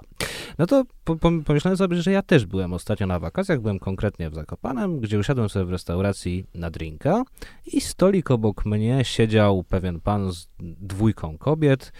E, zachowując się dosyć głośno, niezbyt obyczajnie i tak nic, co, by wskazywało, wiesz, na jego przynależność do klasy wyższej, no to ja wpierw pomyślałem sobie o nim z pogardą, potem się sklołem od razu w myślach, jak ty możesz w ogóle tak myśleć o drugim człowieku, a w końcu doszedłem do tego, że no zaraz, jeżeli ten pan siedzi w tej knajpie, to najpewniej ma sporo pieniędzy i o wiele więcej ode mnie. Pewnie na tych wakacjach śpi w o wiele lepszym hotelu niż ja. No to kto właściwie tutaj jest tą klasą niższą albo średnią, a kto wyższą? No ja, który tutaj przyszedłem sobie na jednego drinka i wrócę do mieszkania wynajętego na Airbnb, czy ten pan, który wróci do luksowego hotelu ze spa? Bo ja oczywiście mogę sobie tego drinka wypić konwersując na ładne tematy. Eee, ten pan nie będzie konwersował na ładne tematy i tak dalej, i tak dalej. Ja mogę nawet stwierdzić, że ten drink jest niesmaczny i lepszego piłem w Rzymie. Ten pan może stwierdzić, że to wszystko tutaj takie fast foodowe bardziej, co mu podają, jest nawet smaczne. No ale okej, okay, no koniec końców to on będzie spał w wygodniejszym łóżku. No, nie, no tak, ale też w dużej mierze dobrze uchwyciłeś e, to, co jest tutaj tym kryterium. Mhm. To znaczy, e, oczywiście fakt, że, że, że ktoś z klasy ludowej się wzbogacił, e, na pewno będzie już dla jego dzieci dużym ułatwieniem, mhm. choćby w, w, w kwestii edukacji, czy w ogóle zmiany środowiska do tego, żeby dzieci dokonały takiego przeskoku klasowego czy awansu klasowego. I to się na pewno dzieje, chociaż nie bezkosztowo. To znaczy, mhm. zawsze ze sobą się zabiera ten bagaż, e, e, ten bagaż e, takich doświadczeń, traum, przeżyć różnych, takiej pamięci też rodzinnej, albo braku mhm. pamięci rodzinnej. Za tym się ciągnie zazwyczaj taka postawa też wstydu, pewnego, jak mhm. się zachować, albo wstydu też, nie wiem, przed pokazaniem rodziców na przykład. No to są takie częste, yy, częste zachowania, na przykład tego, że brakuje nam jakichś słów, albo że nie, roz, nie identyfikujemy jakichś autorów, albo że nam się czasami, nie wiem, może nawet pomylić że nawet płeć jakiegoś mm. autora, pamiętamy nazwiska, ale, ale już na przykład tam, nie wiem, płci nie pamiętamy, więc w takich dyskusjach e, wśród klasy wyższej, tej takiej wyluzowanej, która swobodnie żongluje nazwiskami, ale też właśnie, bo klasa średnia by taki tak zwany name dropping uprawiała, czyli sypała tymi nazwiskami na lewo i prawo, Żeby pokazać, że wie, no to jest ten tak. syndrom piątkowego ucznia. Tak, a klasa, klasa wyższa z kolei nie, nie musi niczego udowadniać, pokazywać, więc dość swobodnie rozmawia o różnych takich rzeczach, których, nie wiem, my z klasy średniej, powiedzmy, czy z klasy ludowej, byśmy w ogóle, więc z klasy ludowej byśmy w niej siedzieli cicho i słuchali, żeby tutaj się nie skompromitować, a z klasy średniej dzieci trochę byłyby zestresowane, zdenerwowane, ale by próbowały raczej nadrabiać, odnaleźć się w w ramach tej aspiracji. trochę na siłę, tak, mhm. ale na przykład stosowałyby taką strategię fake it until you make it, czyli, czyli tak spróbuj poudawać, że mhm. jesteś częścią tej klasy wyższej, aż nabierzesz w tym pewnej sprawności. I, i to, ale to tak, tak, tak, tak to się robi, to znaczy tak ma, tak wygląda awans klasowy i w pewnym momencie się tej takiej swobody też e, nabiera. Powiedziałeś o wstydzie związanym no, z tym bagażem, a, który się zostawia. Właściwie skąd ten wstyd jest, bo ten wstyd nawet przenik, przeniknął do języka. No, nieprzypadkowo mamy takie słowo jak noworyż, nieprzypadkowo jest powiedzenie słoma ci z butów wychodzi i tak dalej, i tak dalej. Ale to takie... są raczej takie powiedzenia, które, no, bardziej właśnie z klasy średniej niż wyższej. Znaczy Aha. klasa wyższa się, klasa wyższa raczej wobec osób, które się gdzieś w czymś pomylą, albo właśnie się czują spięte, ma taki stosunek raczej e, mm, właśnie niepiętnujący, niekoniecznie. Może, może zauważyć, że ktoś ma z czymś problem, mhm. ale, ale zarazem e, z klasą do tego podchodzi. W tym mhm. sensie, że właśnie się nie, nie będzie nikomu palcem pokazywać, raczej takie rzeczy puści mimo uszu. Nie, nie będzie oceniać. Klasa mhm. wyższa jest dużo mniej oceniająca. To klasa średnia się stale porównuje, ocenia, bo musi osiągać, bo, bo, bo jest właśnie zawieszona między tym wyższym i niższym pułapem i, i też ma takie poczucie przymusu. Mhm. To jest zazwyczaj, z, z, tym się wiąże bardzo duże wydatkowanie energii, stałe nadrabianie, bardzo dużo stresu, bardzo dużo lęku, bardzo dużo też, właściwie w sumie może dość niewiele szczęścia, niewiele luzu, niewiele takiego poczucia że można się tak po prostu położyć i nic nie, nie trzeba, mhm. położyć w takim sensie abstrakcyjnym, to znaczy, że nie, nie trzeba cały czas stać na baczność, biegać, szukać, walczyć, tylko że można się też po prostu, po prostu wyluzować. Przy czym pamiętajmy, w, w obrębie naszego jednego życia możliwy jest awans klasowy i, i możliwe jest nabranie, to można, można się jakoś tam dorobić. Także upadek. I dorobić i uspokoić w takim, ale to trzeba też umieć i trzeba sobie uświadomić. W tym sensie bardzo ważne jest to, o czym rozmawiamy, czy, czy co wydajemy, co czytamy, dlatego że, że bycie klasą średnią jest naprawdę ciężkie, naprawdę trudne. Można całe życie przeżyć, dorobić się i tak, ale później mieć takie poczucie, że się całe życie w sumie cierpiało, e, bo się całe życie walczyło i całe życie nigdy nie wiadomo mm. było, czy się uda, czy się nie uda. Natomiast e, to na przykład pokolenie good enough to jest też takie jakby taka cywilizacyjna zmiana, która, za którą stoi też e, taka obserwacja, że dokona się też jakaś klasowa mhm. zmiana, na przykład na zachodzie oczywiście. Czyli po prostu, że można się, można, trzeba, można sobie zabezpieczyć jakieś takie minimum, albo nawet, nie wiem, pewien poziom dobrobytu, i już nie walczyć, już się mhm. wyluzować, już po prostu pocieszyć się życiem, pocieszyć się rodziną, sobą, już nie, za, nie, nie, nie wiem, nie iść dalej w górę zarobków, e, to zazwyczaj się wiąże z tym na przykład, że nie wiem, ludzie z klasy średniej kończą takie kierunki, powiedziałbym, bardziej komercyjne, tak. prawo, ekonomię. Starają się, więc na przykład rzadko chodzą na takie zajęcia, szczególnie kiedyś. Dzisiaj to naprawdę jest dużo łatwiej, ale w latach 90. ktoś, kto by poszedł na filozofię z klasy ludowej albo wyższej, no to raczej przez rodziców byłby napiętnowany i sam by się strasznie bał, mhm. no, czy znajdzie robotę i tak dalej. To raczej na filozofię pozwalały sobie dzieci z klasy wyższej, albo takie dzieci super zdolne, z takich, tak, tacy janko-muzykanci, którzy wiadomo było, że takiego, w każdych mhm. warunkach poradzą. Mam takiego kolegę właśnie z klasy, no chyba wyższej, który jak poszedł na filozofię, potem na historię i to nie w Polsce, ale w UK, to rodzice bardzo kręcili nosem na to, chociaż no właściwie, znaczy nie chcę zaglądać koledze do portfela, ale podejrzewam, że nigdy w życiu nie będzie musiał pracować, prawda? To prawda, to prawda, ale z kolei no, na przykład właśnie dla rodziców to był, to jest od razu taki lęk, bo też rodzice zainwestowali swo, sporo swoich własnych mm -hmm. niezrealizowanych aspiracji, więc prawdopodobnie zamęczali to dziecko też w cudzysłowie oczywiście, tym, żeby się uczyło. To na przykład dzieci z klasy średniej, albo bo też klasa średnia jest najczęściej dzielona tak po amerykańsku na lower i mhm. upper middle class. Więc dzieci z takiej, albo powiedzmy, że zbiorczo z klasy, z klasy średniej, to są te, które e, czytają książki i patrzą i liczą strony w tych książkach często się mają, mają problem ze skupieniem. Jedno zdanie muszą czasami czytać nie dlatego, że go nie rozumieją, tylko dlatego, że czytają je ze stresem.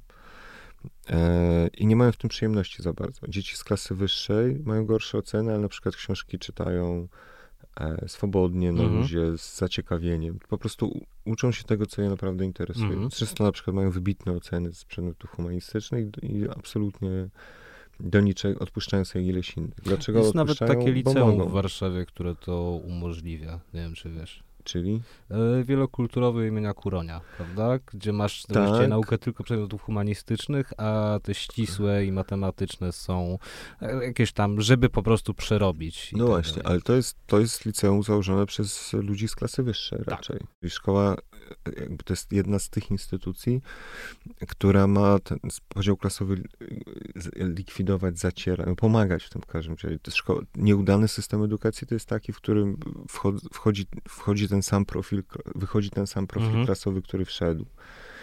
E, I to jest, e, niestety to jest bardzo często polska sytuacja. E, mhm. szkoły... To się teraz będzie oczywiście zwiększało. Jest ta słynna teza Łukasza Pawłowskiego o drugiej fali prywatyzacji, w ramach której skoro edukacja publiczna jest kiepska, no to w ramach e, rozmaitych transferów socjalnych, które niezależnie od klasy dostaje się e, od państwa, klasa średnia ucieka do szkół prywatnych, żeby tam się, żeby tam się zamknąć i zamknąć tam swoje dzieci, żeby nie miały kontaktu z, e, z placówkami publicznymi. No tak, bo też tutaj dochodzi temat przemocy, tutaj do takiej symbolicznej przemocy często. Bo to też jest sposób na taki, powiedziałbym, jakoś wyrażenie takiego gniewu. E, no klasowego w tym sensie, że nie wiem, dziecko wychowane w trudnych warunkach, jak widzi dziecko wychowane w jakimś dobrobycie, no to często reaguje agresją.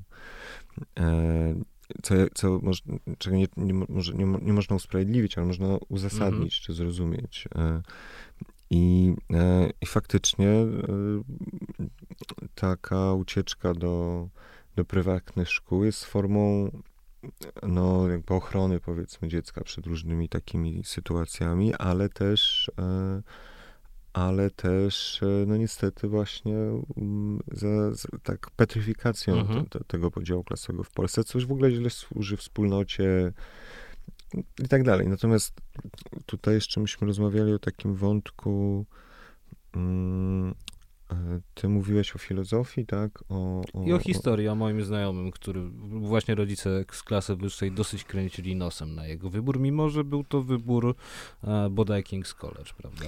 Tak, ale, ale też trzeba powiedzieć, że, że ten boom edukacyjny, um, który się dokonał w Polsce, bardzo, bardzo się przyczynił do tego, -hmm. żeby jednak dos, bardzo wiele osób dostało możliwość tego awansu społecznego. A chciałem jeszcze powiedzieć może o tym, że na przykład te, szko te szkoły, które, które, ja dość dobrze poznałem, takie jak Harvard, Princeton -hmm. czy, czy, czy Yale University, to one... Żeby tam dopowiedzieć, ty byłeś tam stypendystą przez kilka czy, lat. Czy fellowsem. Tak. E, e, i, e, i, I po prostu wiem, że jakby polityka tych uniwersytetów, to jest często polityka właśnie taka, która też ma przeciwdziałać temu podziałowi klasowemu. To znaczy oczywiście takie szkoły jak business school czy law mhm. school, to one, on, to tutaj często jest tak, że dziećmi czy studentami Harvardu e, są e, dzieci z byłych studentów Harvardu. Jasne, że tak. Ale też zawsze jest taka aktywna polityka prowadzona, oparta na przyznawaniu stypendiów dzieciom z bardzo różnych e, środowisk społecznych. Wiesz, ale przyznawanie stypendiów, przyznawaniem stypendiów, e, to znowu się odwołam do mojego kolegi, tylko że już innego, ale też z brytyjskiej uczelni, który w ramach stypendium na tę uczelnię, żeby już tam nie wskazywać, którą konkretnie, no to z Oxbridge'u pojechał i mm, zauważył w pewnym momencie, że jest mnóstwo takich progów bardzo takich nieformalnych. To znaczy na przykład, że on może zostać zaproszony na obiad z e, jakimś wybitnym absolwentem, które to spotkania może mu oczywiście bardzo pomóc w jego przyszłym życiu, no ale żeby iść na ten obiad, no obowiązuje określony strój, tak? No i jest to na, napisane na zaproszeniu, że taki a taki ten strój można kupić za dosyć spore pieniądze, na, które, na których wydanie po prostu go jako stypendysty nie stać. Więc jedną rzeczą jest właśnie taki, taka brakuje słowa, akcja afirmatywna. To, to jest kiepskie określenie. Bardzo dobre. E, tak uważasz? Jest. Bo akcja afirmatywna się raczej odnosi do rasowych rzeczy, tak mi się zdawało zawsze. No ale tutaj, okej. Okay. E, a drugą rzeczą jest... tylko wytłumaczmy. To jest przyznawanie dodatkowych punktów tak. e, osobom ze środowiska nieuprzywilejowanych. tak. A drugą rzeczą są właśnie takie mm, niezauważalne na pierwszy rzut oka progi, o które ludzie się potem będą potykać. Tak, bo te progi klasowe są najczęściej niezauważalne Mhm. Stąd, stąd jest ten podział klasy jest tak silny. E, I też on się sam broni, to znaczy mhm. te, te, też te klasy, to, to, to takie stygmatyzowanie, piętnowanie, takie właśnie wyśmiewanie, to są wszystko takie rzeczy, żeby, że ludzie w ramach klasy średniej najczęściej się bronią przed tymi z klasy niższej. Mhm. E, Natomiast, e, i tu może jeszcze jedną rzecz dodajmy, to znaczy, żebyśmy mieli świadomość, to klasa, w klasie ludowej jest dużo więcej agresji, mhm. patologii rozmaitych, ale też widzenia wszędzie dookoła patologii. Na przykład ludzie w klasie ludowej, chociaż sami są często ofiarami mhm. różnych takich właśnie e, tak, jakby struktury społecznej jako takiej, e, to są ci, którzy zarazem są najbardziej niechętni e, innym ofiarom. Mhm. E, czy ofiary nienawidzą ofiar, dlatego że czują się zagrożone przez nie w tej kolejce takiej do współczucia, na przykład uchodźcy, mhm. czy, czy rozmaite mniejszości, e, próbują je e, wyrzucić z tej kolejki albo wejść przed nie. może być... Znaczy takie jest poczucie zaburzonego ordo caritatis, tak? To, co, co, to, co Leder nazwał skrzywdzeni mają kamienne Aha. serca. E, I to bardzo dobrze widać w Polsce. Na przykład dzieci, że na przykład nie dzieci, ale w ogóle ludzie na prowincji, chociaż nigdy w życiu żadni uchodźcy nie trafią na wieś, bo nie na wieś przyjeżdżają. -hmm. To są z kolei to są te osoby, które są najbardziej niechętne e, uchodźcom. -hmm. Ale chodzi ci o takie wymyślenie sobie wroga, wymyślenie tak, tak, tak. No, sobie tak, kogoś, to, jest, kto to jest, to jest może sprawić, że będzie nam jeszcze gorzej niż jest? Tak, albo po prostu próba znalezienia mhm. kogoś, kto jest jeszcze niżej od nas, żeby ukryć tę swoją pozycję społeczną. Taką... A żeby nie być zwierzęciem omega, tylko... Żeby nie być ostatnim, mhm. tak, żeby, żeby, też, e, żeby też wyładować mhm. ten swój taki, to poczucie takiej do tego, tego tej, tej, tej gniewu klasowego, też mhm. niechęci klasowej. Natomiast, e, ale to dotyczy nie tylko klasy ludowej, to także dotyczy tej niższej klasy średniej, czy klasy średniej w ogóle, która też się po prostu, żeby pokazać, że jest średnią, a nie mhm. ludową, e, potrzebuje też kogoś, e, kim, kto od niej zależy, od jej mhm. decyzji politycznej, od jej opinii, to, to potrzebuje kogoś, e, żeby też swoją, żeby przynajmniej być średnią, mhm. albo w ogóle, żeby być wyższą, nad kimś, pan, nad kimś panować. Stąd taki łatwe to takie przejście od przychylności wobec mhm. jak to był temat kompletnie abstrakcyjny, e, do, do takiej bardzo wysokiej niechęci wobec uchodźców mhm. w Polsce. W klasie właśnie, średniej. w klasie średniej i klasie ludowej. Okay. A klasa wyższa sobie może pozwolić mniej więcej na wszystko, więc, więc stąd na przykład, nie wiem, lewica w Polsce, która ma mhm. najbardziej taki wrażliwy klasowo podział, to jest lewica, która ma najlepiej wykształcony, najbardziej zasobny elektorat, najbardziej taki luksusowy. E, więc jest lewic, więc właściwie jest partią nawet nie tyle miejską, mhm. co śródmiejską. Tak. E, co z, dla niej własne jest jakimś tam rodzajem porażki. E, natomiast w tym sensie, że się nie udało jej mhm. tego u, u, tak być bardziej pluralistyczną w kwestii profilu społecznego. No ale ale tak jest. To mhm. znaczy, może właśnie ci, których stać na współczucie, to są ci, których w ogóle stać. Ładnie powiedziane, stać na współczucie. Słuchaj, a bo mówiłeś o petryfikacji tego systemu, a w ostatnich latach, przynajmniej mam takie wrażenie, że w ostatnich latach wielką karierę zrobił termin uprzywilejowanie. I to nie tylko w Polsce, bo privilege to jest e, słowo, które napotykasz w co trzeciej publikacji w New York Timesie czy w The Atlantic, prawda? Skąd jest ta wielka kariera tego terminu? Z tego, żeby nie używać takich pojęć jak, e, takich piętnujących, stygmatyzujących tych pojęć jak e, właśnie klasa niższa choćby, bo ono już, już, już w sobie jest takie, okay. takie powiedziałbym... Ale uprzywilejowania się odnosi właśnie do klasy średniej i wyższej. Nie, no tak, okej, okay, ale generalnie się używa słowa underprivileged. Tak. E, bardziej niż, no A, oczywiście wtedy sposób. privileged, ale to raczej, to jest taki sposób, żeby nie powiedzieć właśnie klasa niższa, żeby nie powiedzieć e, ludzie mm, e, jakoś tam u, upośledzeni, e, dlatego się czasami mówi upośledzani, mhm. czyli żeby wskazać na to, że że, że, ten, że jest ta druga strona, która w tym mhm. uczestniczy, ta, ta taka, która właśnie się broni przed przekroczeniem podziału klasowego przez innych. Więc underprivileged to są ci, którzy nie dostali szansy i, i w tym sensie nie, ma, nie dostali przywileju e, mhm. funkcjonowania w jakimś takim w lepszych warunkach. I myślę, że, że to jest takie słowo z gatunku poprawności politycznej, które ja rozumiem bardzo pozytywnie. Poprawność mhm. polityczna też powstała po to, żeby pilnować języka, bo klasowość się reprodukuje w języku. Jasne, że tak.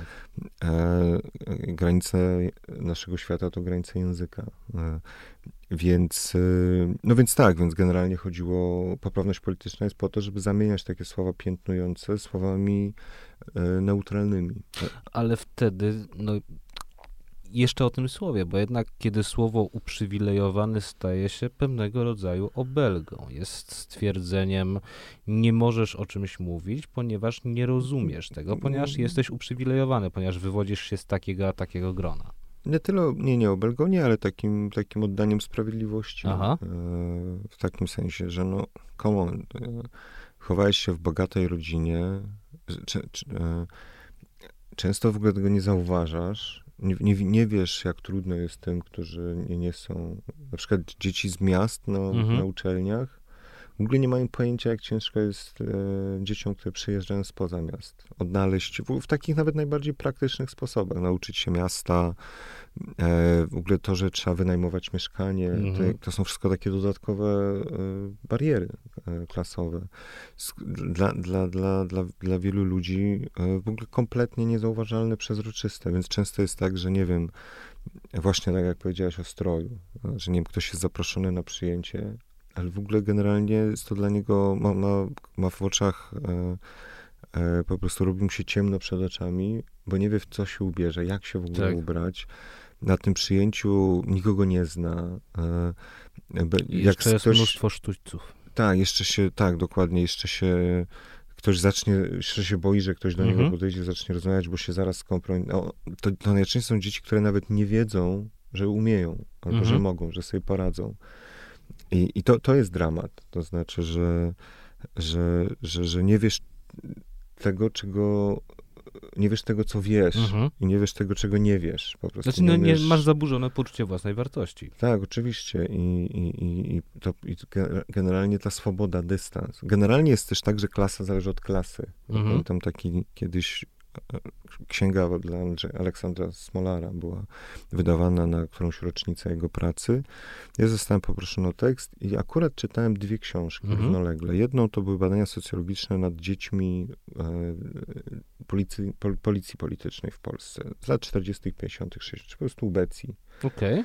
Okay. E, czy takie profile, badanie ich biogramów po prostu. Znaczy dzieci ubeków? Nawet nie dzieci, ale jakby skąd, skąd ci ludzie się wzięli? Dzieci w tym sensie, że sami byli dziećmi najpierw. Z jakich rodzin, Dobra. z jakiej, co, jakie szkoły. Czyli co, jakieś tam tak towarzystwo przyjaciół dzieci i tak dalej? Nie, nie, to... zapomnij o tych okay. dzieciach. Po prostu chodzi o to, że kim byli ubecy. Dobra. I, z, i po prostu jaka, skąd, jak, mhm. jaki, jaka była ich biografia najczęściej, taka powiedziałbym ustatystyczniona, uśredniona. A z drugiej strony czytałem książkę Andrzeja Friszkiego o Korze, czyli o opozycji demokratycznej. Czyli masz dwie strony mhm. walki politycznej w komunizmie. I ja, ja nagle patrzę, że ci pierwsi to pochodzą z patologicznych rodzin. Mhm. Myśl, myślę o służbie bezpieczeństwa. Tak. Najczęściej właśnie z bardzo biednych rodzin, mhm. ze wsi. Tak. Więc, dla, więc one to najczęściej są osoby, które w ogóle nie mają świadomości, że jest jakiś, są jakieś zobowiązania honorowe, jest mm -hmm. jakaś tradycja oporu, że w ogóle, że w ogóle jest taki temat. Tak. Dla nich wstąpienie do służby bezpieczeństwa, czyli to że się dostaje mieszkanie. Tak. tak, no to jest w ogóle znaczy, wiesz, to jest coś jednoznacznie, dziadka, I coś jednoznacznie tylko, pozytywnego. Który nie, nie, wstąpił do UB, tylko był wojskowym, ale wcześniej był, wiesz, tam jakimś partyzantem. No, bo wojsko jest z kolei kolejną instytucją, tak. która, w której można awansować społecznie faktycznie. Trochę tak I jeszcze ten awans jest tam tak, wiesz, jasno określony, że są stopnie, tytuły i wiadomo, jak przeskakujesz. Nie ma takiego tak. niedookreślenia i że nie wiadomo, od czego no to tak, zależy. ale zarazem określone są kompetencje, tak. których trzeba nabyć. I, w tym, i one są otwarte mhm. dla, dla wszystkich. Znaczy można być z klasy ludowej i można przeskoczyć w hierarchii kogoś z klasy średniej czy mhm. wyższej, mhm. ze względu na, na to, że, że człowiek się wykaże, na przykład w polu, w polu walki. Tak. Ale, ale tutaj, wracając do tego podziału, bo to było fascynujące mm -hmm. zupełnie, ale też szokujące dla mnie. To znaczy, nagle się okazało, że właśnie dla, dla takich dzieci wstąpienie y, do służby jest racjonalnym wyborem społecznym, etycznym mm -hmm. też. A tutaj z kolei takie osoby jak Jacek Kuroń, Adam Michnik i tak dalej, to poza jedną postacią Henia Wójca, mhm.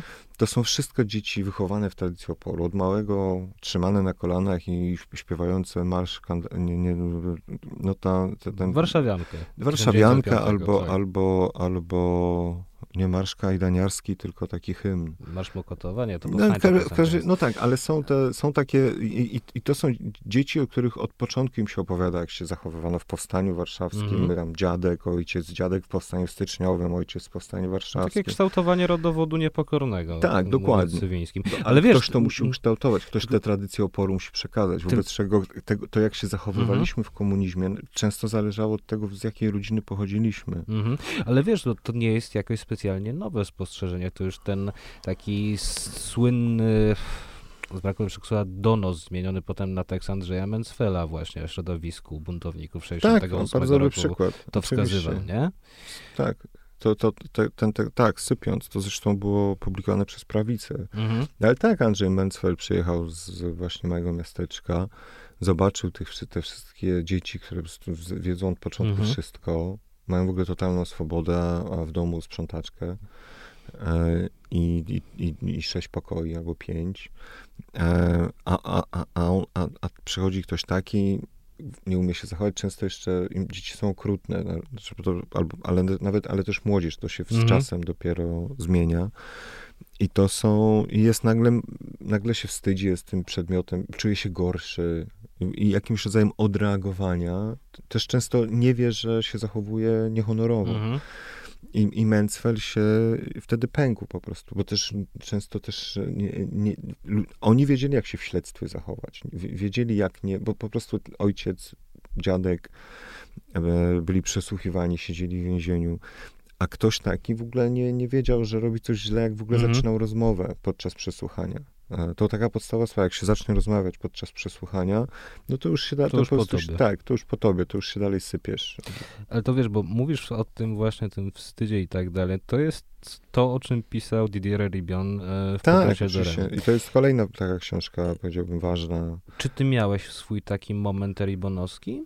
Bo bardzo wielu znajomych mi w, ostatnich dwóch latach zaczęło mówić, że a, że mieli i na przykład jeden kolega, jak umarł ten wokalista Budki Suflera, pan Romuald Lipko, powiedział mi wtedy, nie, nie że... wokalista, muzyk. Muzyk, tak, tak, Klawiszowiec, ale e... tak, bardzo główna postać. Budki tak, powiedział mi mhm. tenże kolega, że wiesz co, ja przed przyjazdem do Warszawy Budka była moim ulubionym zespołem, a przyjechałem tutaj na studia, zresztą no, takie, które my okazało, też skończyliśmy, jest, tak? czyli no i tak nawet nie okazało się to zostało, wiesz, jakoś zinternalizowane w nim przekonanie, że tego już nie należy słuchać i dopiero po kilku latach, kiedy jest już tam doktorem na jednym z wydziałów na uniwersytecie, uznał, ja jednak lubię tę budkę i będę jej słuchał, bo to jest moja muzyka. I no właśnie, i to jest akurat e, taki sygnał, że, mm, przekraczania tego mhm. podziału. Znaczy, no słuchaj, no, słuchasz sobie tego, co ci się podoba i się nie przyjmujesz tym, czy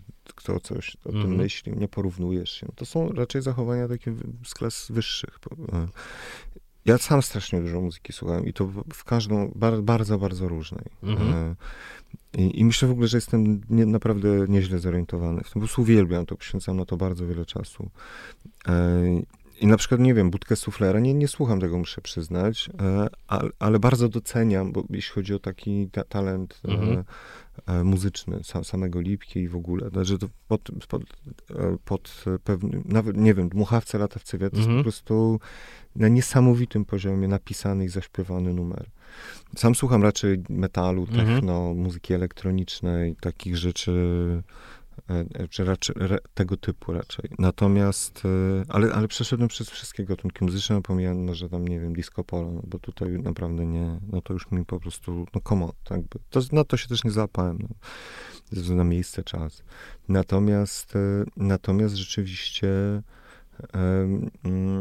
jakby nie mam też tego problemu, a sam jestem raczej z klasy średniej i mhm. te wszystkie takie rzeczy, te, takie właśnie, na przykład pamiętam, że jak pojechałem na Harvard, czy do Princeton najpierw, no to w ogóle dla mnie to było straszne doświadczenie w takim sensie, ten sam początek. E, bardzo szybko się okazało, że jestem najlepszy na zajęciach, okay. ale e, i w ogóle nie spotkałem na żadnej z tych uczelni kogoś, kto by mnie jakoś zszokował, nie wiem ale też miałem najmniej swobody. Ja pamiętam, że po pierwszych, w ogóle z dnia na dzień trafiłem na takie bardzo prestiżowe seminarium, które nie wiedziałem, mhm. że jest mhm. takie. To kto to prowadził? To prowadził w ogóle trzech profesorów okay. i to takich super znanych. E, Andrew Morawczyk, który Aha. jest w ogóle no, takim, taką topową postacią. On Foreign Affairs prowadzi cały dział książek. On najważniejsze mhm. książki recenzuje. To jest takie super prestiżowe. To jest najważniejsze pismo w polityce zagranicznej światowe. E, I Steven Massido, którego też książki wyszły, wyszły po polsku i, i Robert Cohen, który jest e, numerem jeden w politologii światowej. Mhm. On albo Joseph Nye. Tego ostatniego ja w ogóle nie znałem. Znałem tego drugiego, bo widziałem jego książki po polsku, ale nie czytałem. A, a, o, ale o pierwszym też miałem takie mhm. mgliste pojęcie. Coś tam wiedziałem, że duża, że duża, duża postać, ale i na, a na zdjęciu było 15 osób, sam, właściwie też wśród nas profesorowie albo tacy wysocy wojskowi. Mhm. To było w Woodrow Wilson School, czyli takiej, tak jak na uniwersytetach amerykańskich jest wydzielona taka szkoła politologii. Mhm. E, e, I, I pamiętam, mój angielski był taki bardzo średni, z jakimś bardzo silnym akcentem.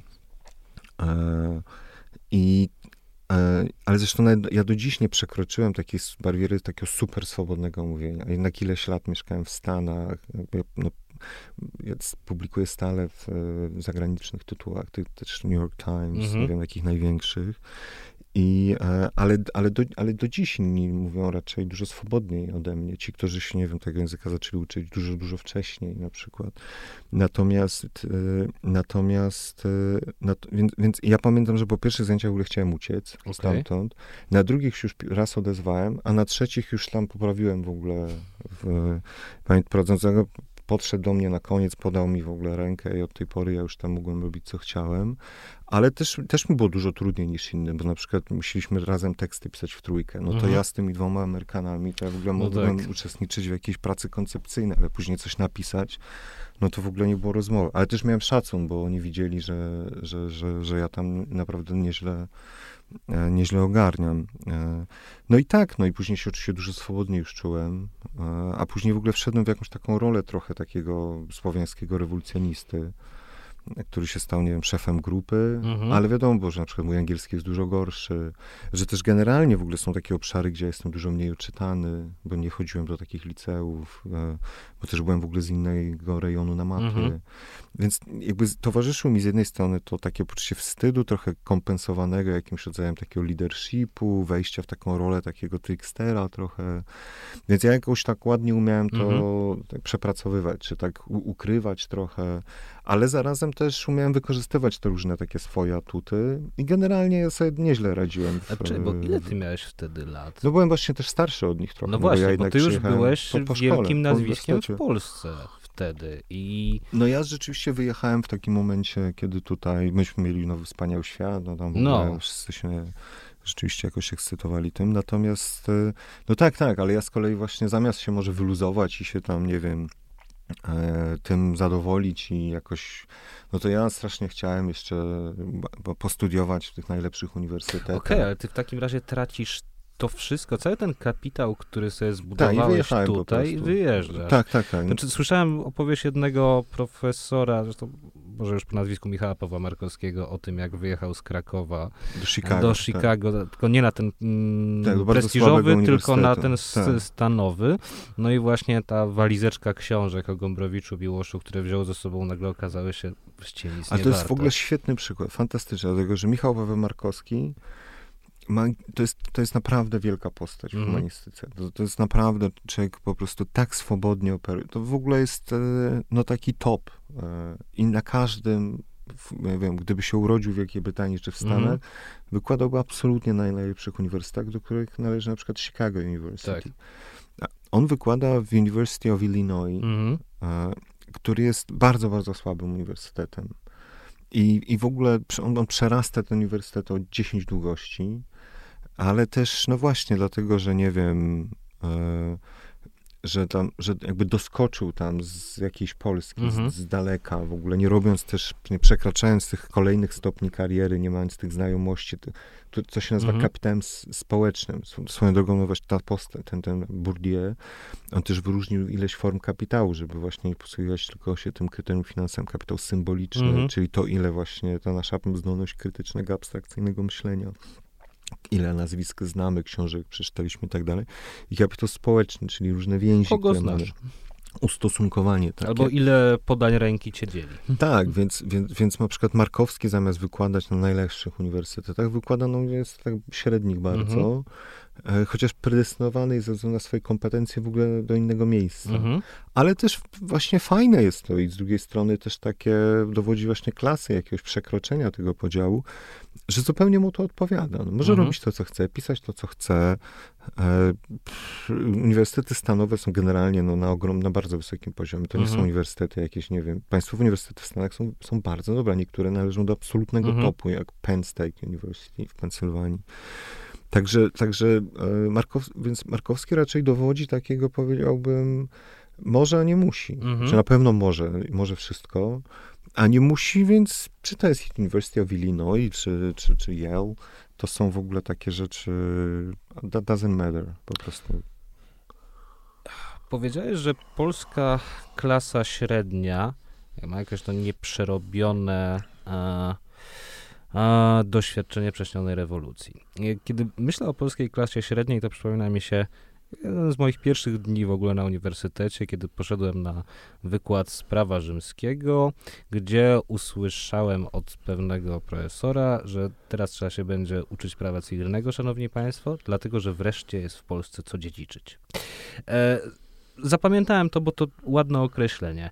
Co będzie z polską klasą średnią, skoro ona już jakoś tak krzepnie, skoro już powoli zaczynają się takie klasośredniowe rody, że wiesz, że masz kilka mieszkań, bo je odziedziczyłeś po prostu po tam, nie wiem, bezdzietnej ciotce czy kimś takim e, i tak dalej, i tak dalej, że już powoli tak się robi z braku lepszego słowa francusko u nas, nie? że mo mogą być już mieszczańskie rody.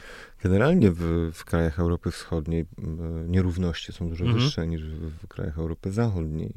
W Rosji są najwyższe na świecie. Tak. Ale też dość wysokie w sumie są. No na szczęście jeszcze naprawdę to taka Europa, powiedziałbym, wyszehradzka, to mhm. tutaj jeszcze, Polska jest generalnie najmniej zoligarchizowanym i takim krajem najmniej skorumpowanym. To się niestety pod, przez 6 mhm. lat ciężkiej pracy PiSu nad tym, żeby ją skorumpować, to się niestety trochę zmieniło.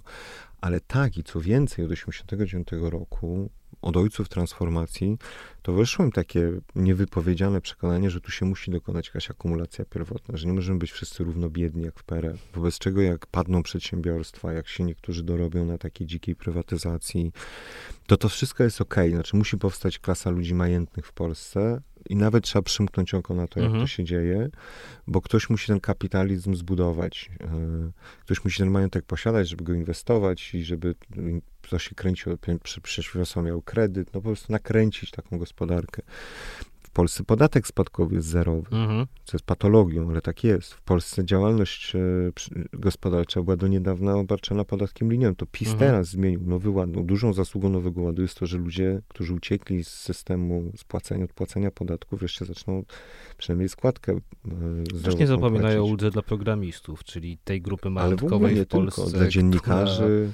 To, to, że my, jest trochę poza generalnie podziałem klasowym. Ale to, że w ogóle generalnie dziennikarze, którzy należeli już teraz to się zmieniło, ale do najlepiej zarabiających mhm. ludzi, z jakiegoś powodu płacili połowę składki mhm. w ogóle. To, to, to, to, też było patologią.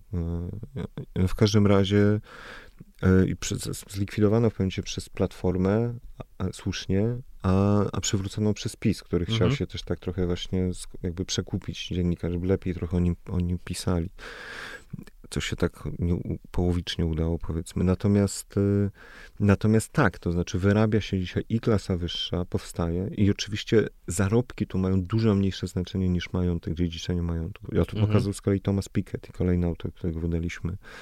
I niestety to bardzo petryfikuje podział społeczny. Znaczy, żebyśmy nie wiem, ile zarabiali, to zawsze zawsze dziedziczenie będzie e, z takim sposobem głównego tak. E, jakby powodu podziału klasowego. Więc klasę wyższą się też definiuje w Polsce, Maciek Gdula na przykład tak robi, jak rodzinę stać na to, żeby kupić dziecku, czy wszystkim dzieciom mieszkanie, mhm. mają tyle gotówki, tyle oszczędności, no to to jest właściwie taki dobry wyznacznik klasy wyższej, dobre jakie kryterium. Jesteś w rodzinie, w którym można, rodzice bez jakiegoś kredytu, z jakiegoś wyrzeczenia, jakichś gigantycznych wyrzeczeń, po prostu mogą kupić dziecku mieszkanie, no to, no to po prostu to, no to jest w ogóle też inna rozmowa. Znaczy, tak. to nie musi, jak dziecko nie musi pracować i, i, studiować, czyli jednak stracić dużo czasu, energii, chodzić niedospanym. Mm. To są wszystko bardzo poważne też takie kotwice klasowe. No to to jest, to to jest klasa wyższa, której będzie zawsze łatwiej i będzie zawsze mniej zestresowana. No zawsze będzie miała poczucie bezpieczeństwa. Dokładnie, ale, ale, też takie poczucie psychologiczne mhm. bardzo poważne. Nie tylko takiego bezpieczeństwa, że stać, ale mhm. takiego, że się nie musi po prostu zamęczać psychicznie w środku. Zaczęliśmy tę rozmowę od tego, kiedy myślenie klasowe wróciło do Polski, do polskiego dyskursu. A jakiego ty byś sobie życzył myślenia o klasach w Polsce? Gdybyś miał właśnie taki wpływ demiurga na polskie imaginarium i zmieniasz właśnie sposób myślenia o jednym temacie, jakiego myślenia o klasach byś chciał, żeby było powszechne? Myślenie to jest jedna rzecz, Aha. a z drugiej, a, a, ale też takie implementowanie tego, yy, czyli takie kształtowanie instytucjach jak szkoła mhm. właśnie, czy w ogóle cała infrastruktura opiekuńcza, czy taka edukacyjna opiekuńcza, żeby to wszystko działało na rzecz e, awansu klasowego i też przekraczania podziału klasowego, bo w gruncie rzeczy jest szkodliwy dla całego społeczeństwa, jak jest taki spetryfikowany. E, bo po prostu jakaś część społeczeństwa jest wyłączona z obiegu cywilizacyjnego, z obiegu mhm. gospodarczego i tak dalej. To, to nie pomaga. Ameryka odniosła gigantyczny sukces, bo tam właśnie dziecko się nie musi martwić, jak się ubierze. Na mhm. Harvardzie czy, czy w Princeton wszyscy chodzili w dresach. Ale w ogóle 5 zł byś, że mogli. 5 zł byś nie dał na profesorów, wiesz, to, którzy byli noblistami. Wyglądali wiesz, to, po prostu to jest jak ta ładna bezdomni. scena w sukcesji, chyba w drugim sezonie, kiedy Tom, czyli ten wrzeniony wyrojów, a przychodzi na jakieś spotkanie i wszyscy się właściwie śmieją z jego garnituru, bo ten garnitur jest zbyt idealny, prawda? Bo on jest idealny w każdym możliwym aspekcie, w deseniu, w grubości. Ale tak, ja ostatnio miałem takie doświadczenia, jak, jak e, zostałem zaproszony przez Manuela Macrona na mhm. kolację taką razem z pięcioma innymi osobami, takimi naprawdę najwybitniejszymi, no Peter Sloterdijk, mhm. Iwan Krastew, takimi bardzo dużymi nazwiskami. E, I, w ogóle nie wiedziałem, jak się ubrać. Aha. Pałac Elizejski, Francja, pff, więc, y, więc, więc pamiętam, że... No to od, golf, jak masz intelektualista no właśnie nie. ubierać? Nie, żartuję oczywiście. Odstawiłem się w jakiś ekstra garnitur. Nie jakiś super drogi, no ale taki mm, trzyrzędowy i w ogóle myślałem, że to koniecznie tak trzeba, bo Aha. też nie mogłem się doprosić odpowiedzi na pytanie, jaki jest dress code. Mhm. Właśnie. I byłem najbardziej elegancko ubrany, zarazem najmłodszy, tak, okay. no, no, tak na granicy przesady. E, mój kolega Iwan Krastew przyszedł w garniturze, ale w tenisówkach, ale Aha. chyba bez krawata w ogóle. E, e, był dużo bardziej doświadczony też w takich spotkaniach. Więc, więc tak, więc ja się też, miałem te wszystkie odruchy klasowe, mhm. takie, takie właśnie spięty bardziej byłem, bardziej się oglądałem na innych, tak, bardziej tak aspirowałem, tak wiedziałem, że muszę ileś takich rzeczy błyskotliwych powiedzieć, mhm. żeby tam nikt nie pomyślał, że jestem jakiś głupszy, gorszy. E, tak, i, i, i, i, mogłem w tym przesadzać też czasami.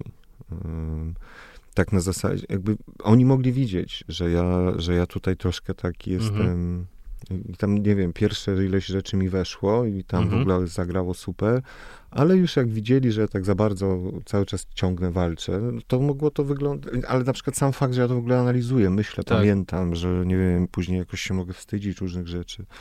Nie mam tego luzu takiego, mhm. nie mam tej, tej swobody. Ale z drugiej strony też e, to, że ileś takich rzeczy mi się zdarzyło, czy no zdarza. No. Czy to jest sprawiło, twoja siła, że... czy to jest twoja słabość? Ja generalnie uważam, jak tak sobie analizuję swoje mm -hmm. te 20 lat jakiegoś funkcjonowania i także ja bardzo wszed, wcześnie wszedłem w taki bardzo publiczny tak. e, obieg e, i, i, i, polski, i zagraniczny. Mm -hmm. e, mi się wydaje, że ja bardzo dobrze operowałem takim, takimi strategiami przekraczania tych poziomów. Bardzo sprytny, okay. byłem, bardzo cwany. Znaczy naprawdę świetnie wiedziałem, jak, jak, jak to porozgrywać. Na przykład ja z naprawdę klasy takiej na granicy ludowej klasy i średniej, szybko stałem się przywódcą najbardziej, naj, najbardziej takiego prestiżowego, inteligenckiego mhm. środowiska w Polsce, które przez ma, bardzo długie lata nie miało w ogóle konkurencji. E, co zawsze mi się wydawało taką totalną sprzecznością, albo wręcz pewnym rodzajem hochsztaplerstwa. Mhm. Znaczy, że ja to na to w ogóle nie zasłużę. Jakby ci ludzie wiedzieli, że ja wcale nie jestem tak oczytany, jak myślą, albo że wcale nie jestem taki, nie wiem, może jestem zdolny w tym sensie, że mhm. szybko łapię, ale, ale jakby nie mam tych innych atutów które wydawało mi się, że wszyscy wiedzą, że mam. A tak naprawdę też wszyscy mieli to w dupie. To mhm. znaczy po prostu to nie jest tak, że wszyscy się chodzili, zastanawiali nade mną, bo każdy... Chociaż ty wtedy myślałeś, że tak jest. Bo ja się bałem. Ja się, nie, znaczy ja się, ja się bałem, że, że tak może być mhm. raczej, ale też dziecko z klasy średniej czy niższej raczej żyje tymi czarnymi scenariuszami. Tak. E, I, i, I, właśnie nie ma tego luzu, więc, więc, ale ja też tego luzu później zacząłem nabierać mhm. w różnych rzeczach. I na przykład to, że ja nie wiem, dzisiaj różnych rzeczy nie muszę. Właściwie jestem dużo mniej obecny w różnych publicznych, tak, polskich prawda. przede wszystkim ubiegach, dlatego, że nie muszę. Mhm. Że, że, nie wiem, już się jakoś tak. Nie, nie ma już dla mnie takiego dużego znaczenia. W sumie cieszę się, że mogę z tobą pogadać, niż jak miałeś kolejny raz do TVN24, wiesz, na tam 10 czy 15 minutową mhm. rozmowę, dość rytualną w ogóle. Nie wiem, nie, nie, nie chodzę i się nie zastanawiam, czy mnie zaproszą, czy nie. Mogę się zastanowić, jak nie wiem, widzę, że dużo, dużo rzadziej na przykład chodzę, albo nie ileś razy usłyszałem, że nie wiem, a, a gdzie jest Sielakowski, bo coś tam. No kiedyś to ty byłeś tak, było cię dużo rzeczywiście i pamiętam, że wystarczyło raz na trzy tygodnie otworzyć Newsweeka i było wiadomo, że tam będzie wywiad z tobą. Może trzy tygodnie to nie, ale rzeczywiście, e, rzeczywiście mm, były, cały, były co jakiś czas takie, więc na przykład jak mi się wydawało, że o, coś tutaj jest mniej, mhm. czy wypadłem, czy już, nie wiem, nie jestem ciekawy jakoś tak. I zawsze to wracało jakoś, zawsze się, nie wiem, ukazywało, nie wiem, napisałem jakiś tekst i, od, i później musiałem cały festiwal mhm. wywiadów dawać. Ale zawsze przedtem był taki rodzaj lęku właśnie, takiego, takiego e, lęku. Że nikt już nie zwrócił uwagi. Tak, że już A. się skończyłem jakoś, albo że coś. A to jest permanentne, ja też to mam. No tak, ale to widzisz, no jakby, ale też generalnie w Polsce takiej klasy wyższej nie było, mhm. więc raczej było tak, że była taka klasa ludowa i klasa średnia, wobec czego no, większość z nas się e, bała, wstydziła i tak dalej. Tylko ja muszę przyznać, że ja byłem niezłym cwaniakiem, że mhm. ja naprawdę widzę, że na przykład ludzie, którzy są dużo bardziej pracowici, a za bardzo pracowity nigdy nie byłem, systematyczny, zorganizowany, przeciwnie, ja raczej byłem taki, znaczy pracowity, jak trzeba, to umiałem mhm. już, jak się już nie dało inaczej, była ostatnia chwila, to umiałem usiąść na dupie i po prostu całą noc siedzieć i to zrobić. I nawet nieźle zrobić. Ale widziałem, że inni dużo bardziej zasługują na różne rzeczy, a przychodzi im to dużo, dużo trudniej, jeśli w ogóle, dużo, dużo później. E, mimo, że no, no, no nie wiem, no po prostu widziałem, że to się im należy, a nie mi.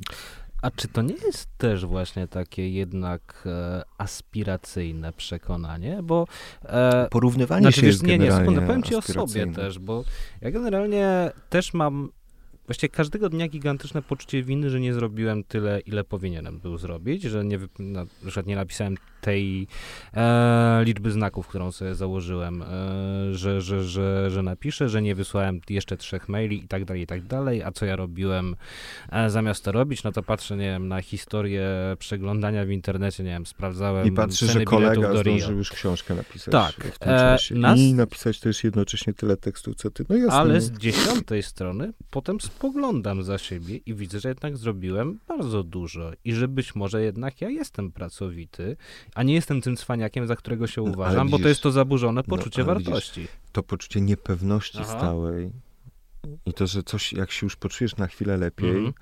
to co z tego, jak mija trochę czasu i od razu się lękasz, czy, czy wiesz, czy na pewno jakby to, to stała niepewność mhm. jest też jest bardzo silnym odruchem klasowym, który też jednocześnie cię blokuje.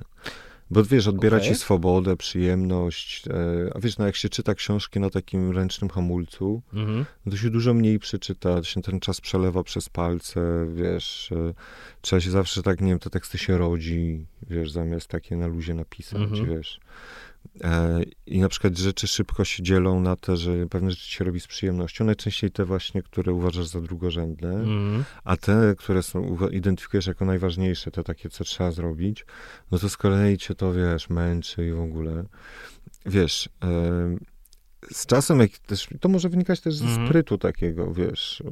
Ja się jakoś tak w pewnym momencie, późno bardzo, ale zorientowałem, że no stary, no ile można, no nie wiem, nie masz temperamentu akademickiego e, i widzisz, że to nie jest coś, co, co co by cię pasjonowało, no to tam nie, to odpuść sobie ileś tych rzeczy. Nie musisz wykładać, nie, nie musisz, nie wiem, doktoratu kończyć. Mhm. Też nie musisz, wiesz. Krastew nie skończył doktoratu, a jest uważany, wiesz, tak Alex Smolar, nie, mhm. nie ma, no, wiesz, no tacy ludzie, Adam Michnik, wiesz, naj, naj, najlepiej wykształcone, takie wielkie gwiazdy. Jak, jak jesteś dobry, to jesteś dobry. Mm. I to jest ostatecznie najważniejsze kryterium, a nie tam tytuły i tak dalej. One jakby pomagają i też dają ci pewne zabezpieczenie takie, ale ostatecznie nie są decydujące, mm więc nie wiem, dużo, więc lepszą w, pewnie, w pewnym sensie strategią życiową jest y, właśnie raczej zacząć robić to, co się lubi.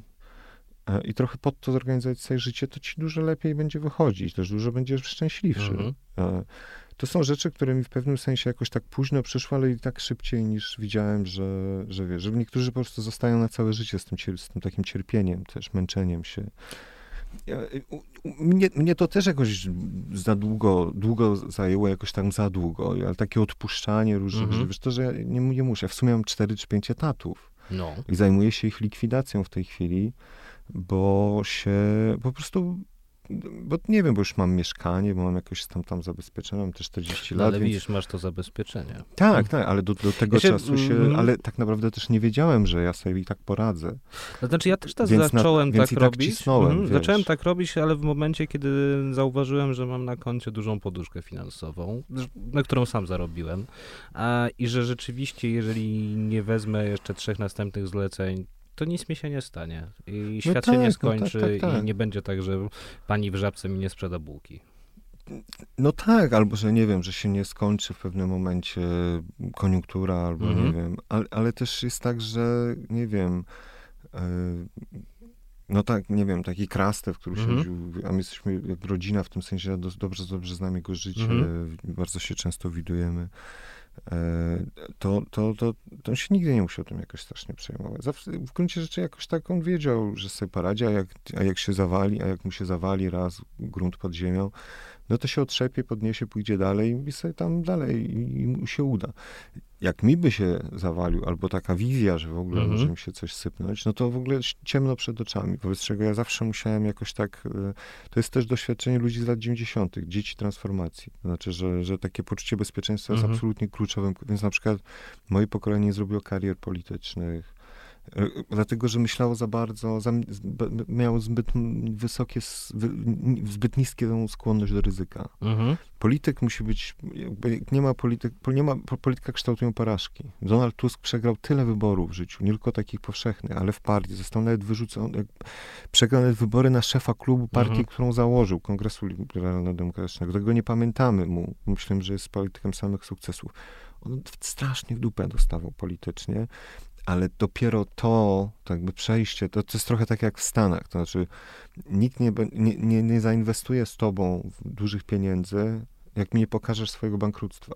E, albo tak jak z kolei kiedyś, nie wiem, nie pamiętam, czy chyba Steve Jobs, czy Bill Clinton, czy Bill Gates został zaproszony na dobry uniwersytet mhm. na Harvard na taką umowę kończącą rok dla absolwentów i powiedział coś takiego, congratulations, now you're ready for mid-management. Mhm. Czyli jesteście gotowi na pracę tak mniej więcej w środku. Menedżer średniego szczebla. Tak, Coś tak. Może, teraz już możecie być pracownikiem średniego szczebla. E, rozumiesz, o co chodzi? Tak, to znaczy... że, że jeżeli jesteś złożony właściwie z samych sukcesów, no to twój ogląd świata jest trochę siłą rzeczy ograniczony. No trochę raczej chodziło o to, że, że jak już się tak wystarałeś mm -hmm. i mhm. skończyłeś te studia. Jakby to spoko, ale też e, to też pokazuje, że może za bardzo się przywiązywałeś do takich rzeczy zewnętrznych, a nie mhm. miałeś takiego rozmachu lotu, czy takiego właśnie skłonności do ryzyka, która w takim innowacyjnym, kreatywnym przemyśle jest bardzo wysoka. Mhm. Trzeba ileś rzeczy po prostu spieprzyć, jak się nie próbuje, to się nie, nie, nie wywalczy. E, a trzeba próbować też najbardziej ryzykowne takie rejony, w których właściwie tak się w ogóle rodzi nauka. Mm. Ona się nie rozwija przez akumulację wiedzy, tylko przez takie rewolucje, w których polegają na tym, że się znajdzie taki Einstein, który pójdzie w ogóle w bok kompletnie. I najczęściej pójście w bok się kończy źle, ale jedno się skończy dobrze. A jakby ktoś nie poszedł w bok, to by nie przekroczył tej, tej, tej wiedzy, yy, która istnieje. Więc nauka się rozwija przez w sumie takie ryzykowanie różnych mhm. rzeczy kompletnie nie, nie, nie w tę stronę, którą wydawało się, że należy, którą wszyscy inni idą. No. I takiego przekraczania ci życzę. Dziękuję bardzo. A ja już nie muszę. Sławomir Sierakowski był moim gościem, a słuchali Państwo podcastu Czas Odzyskany. Dziękuję.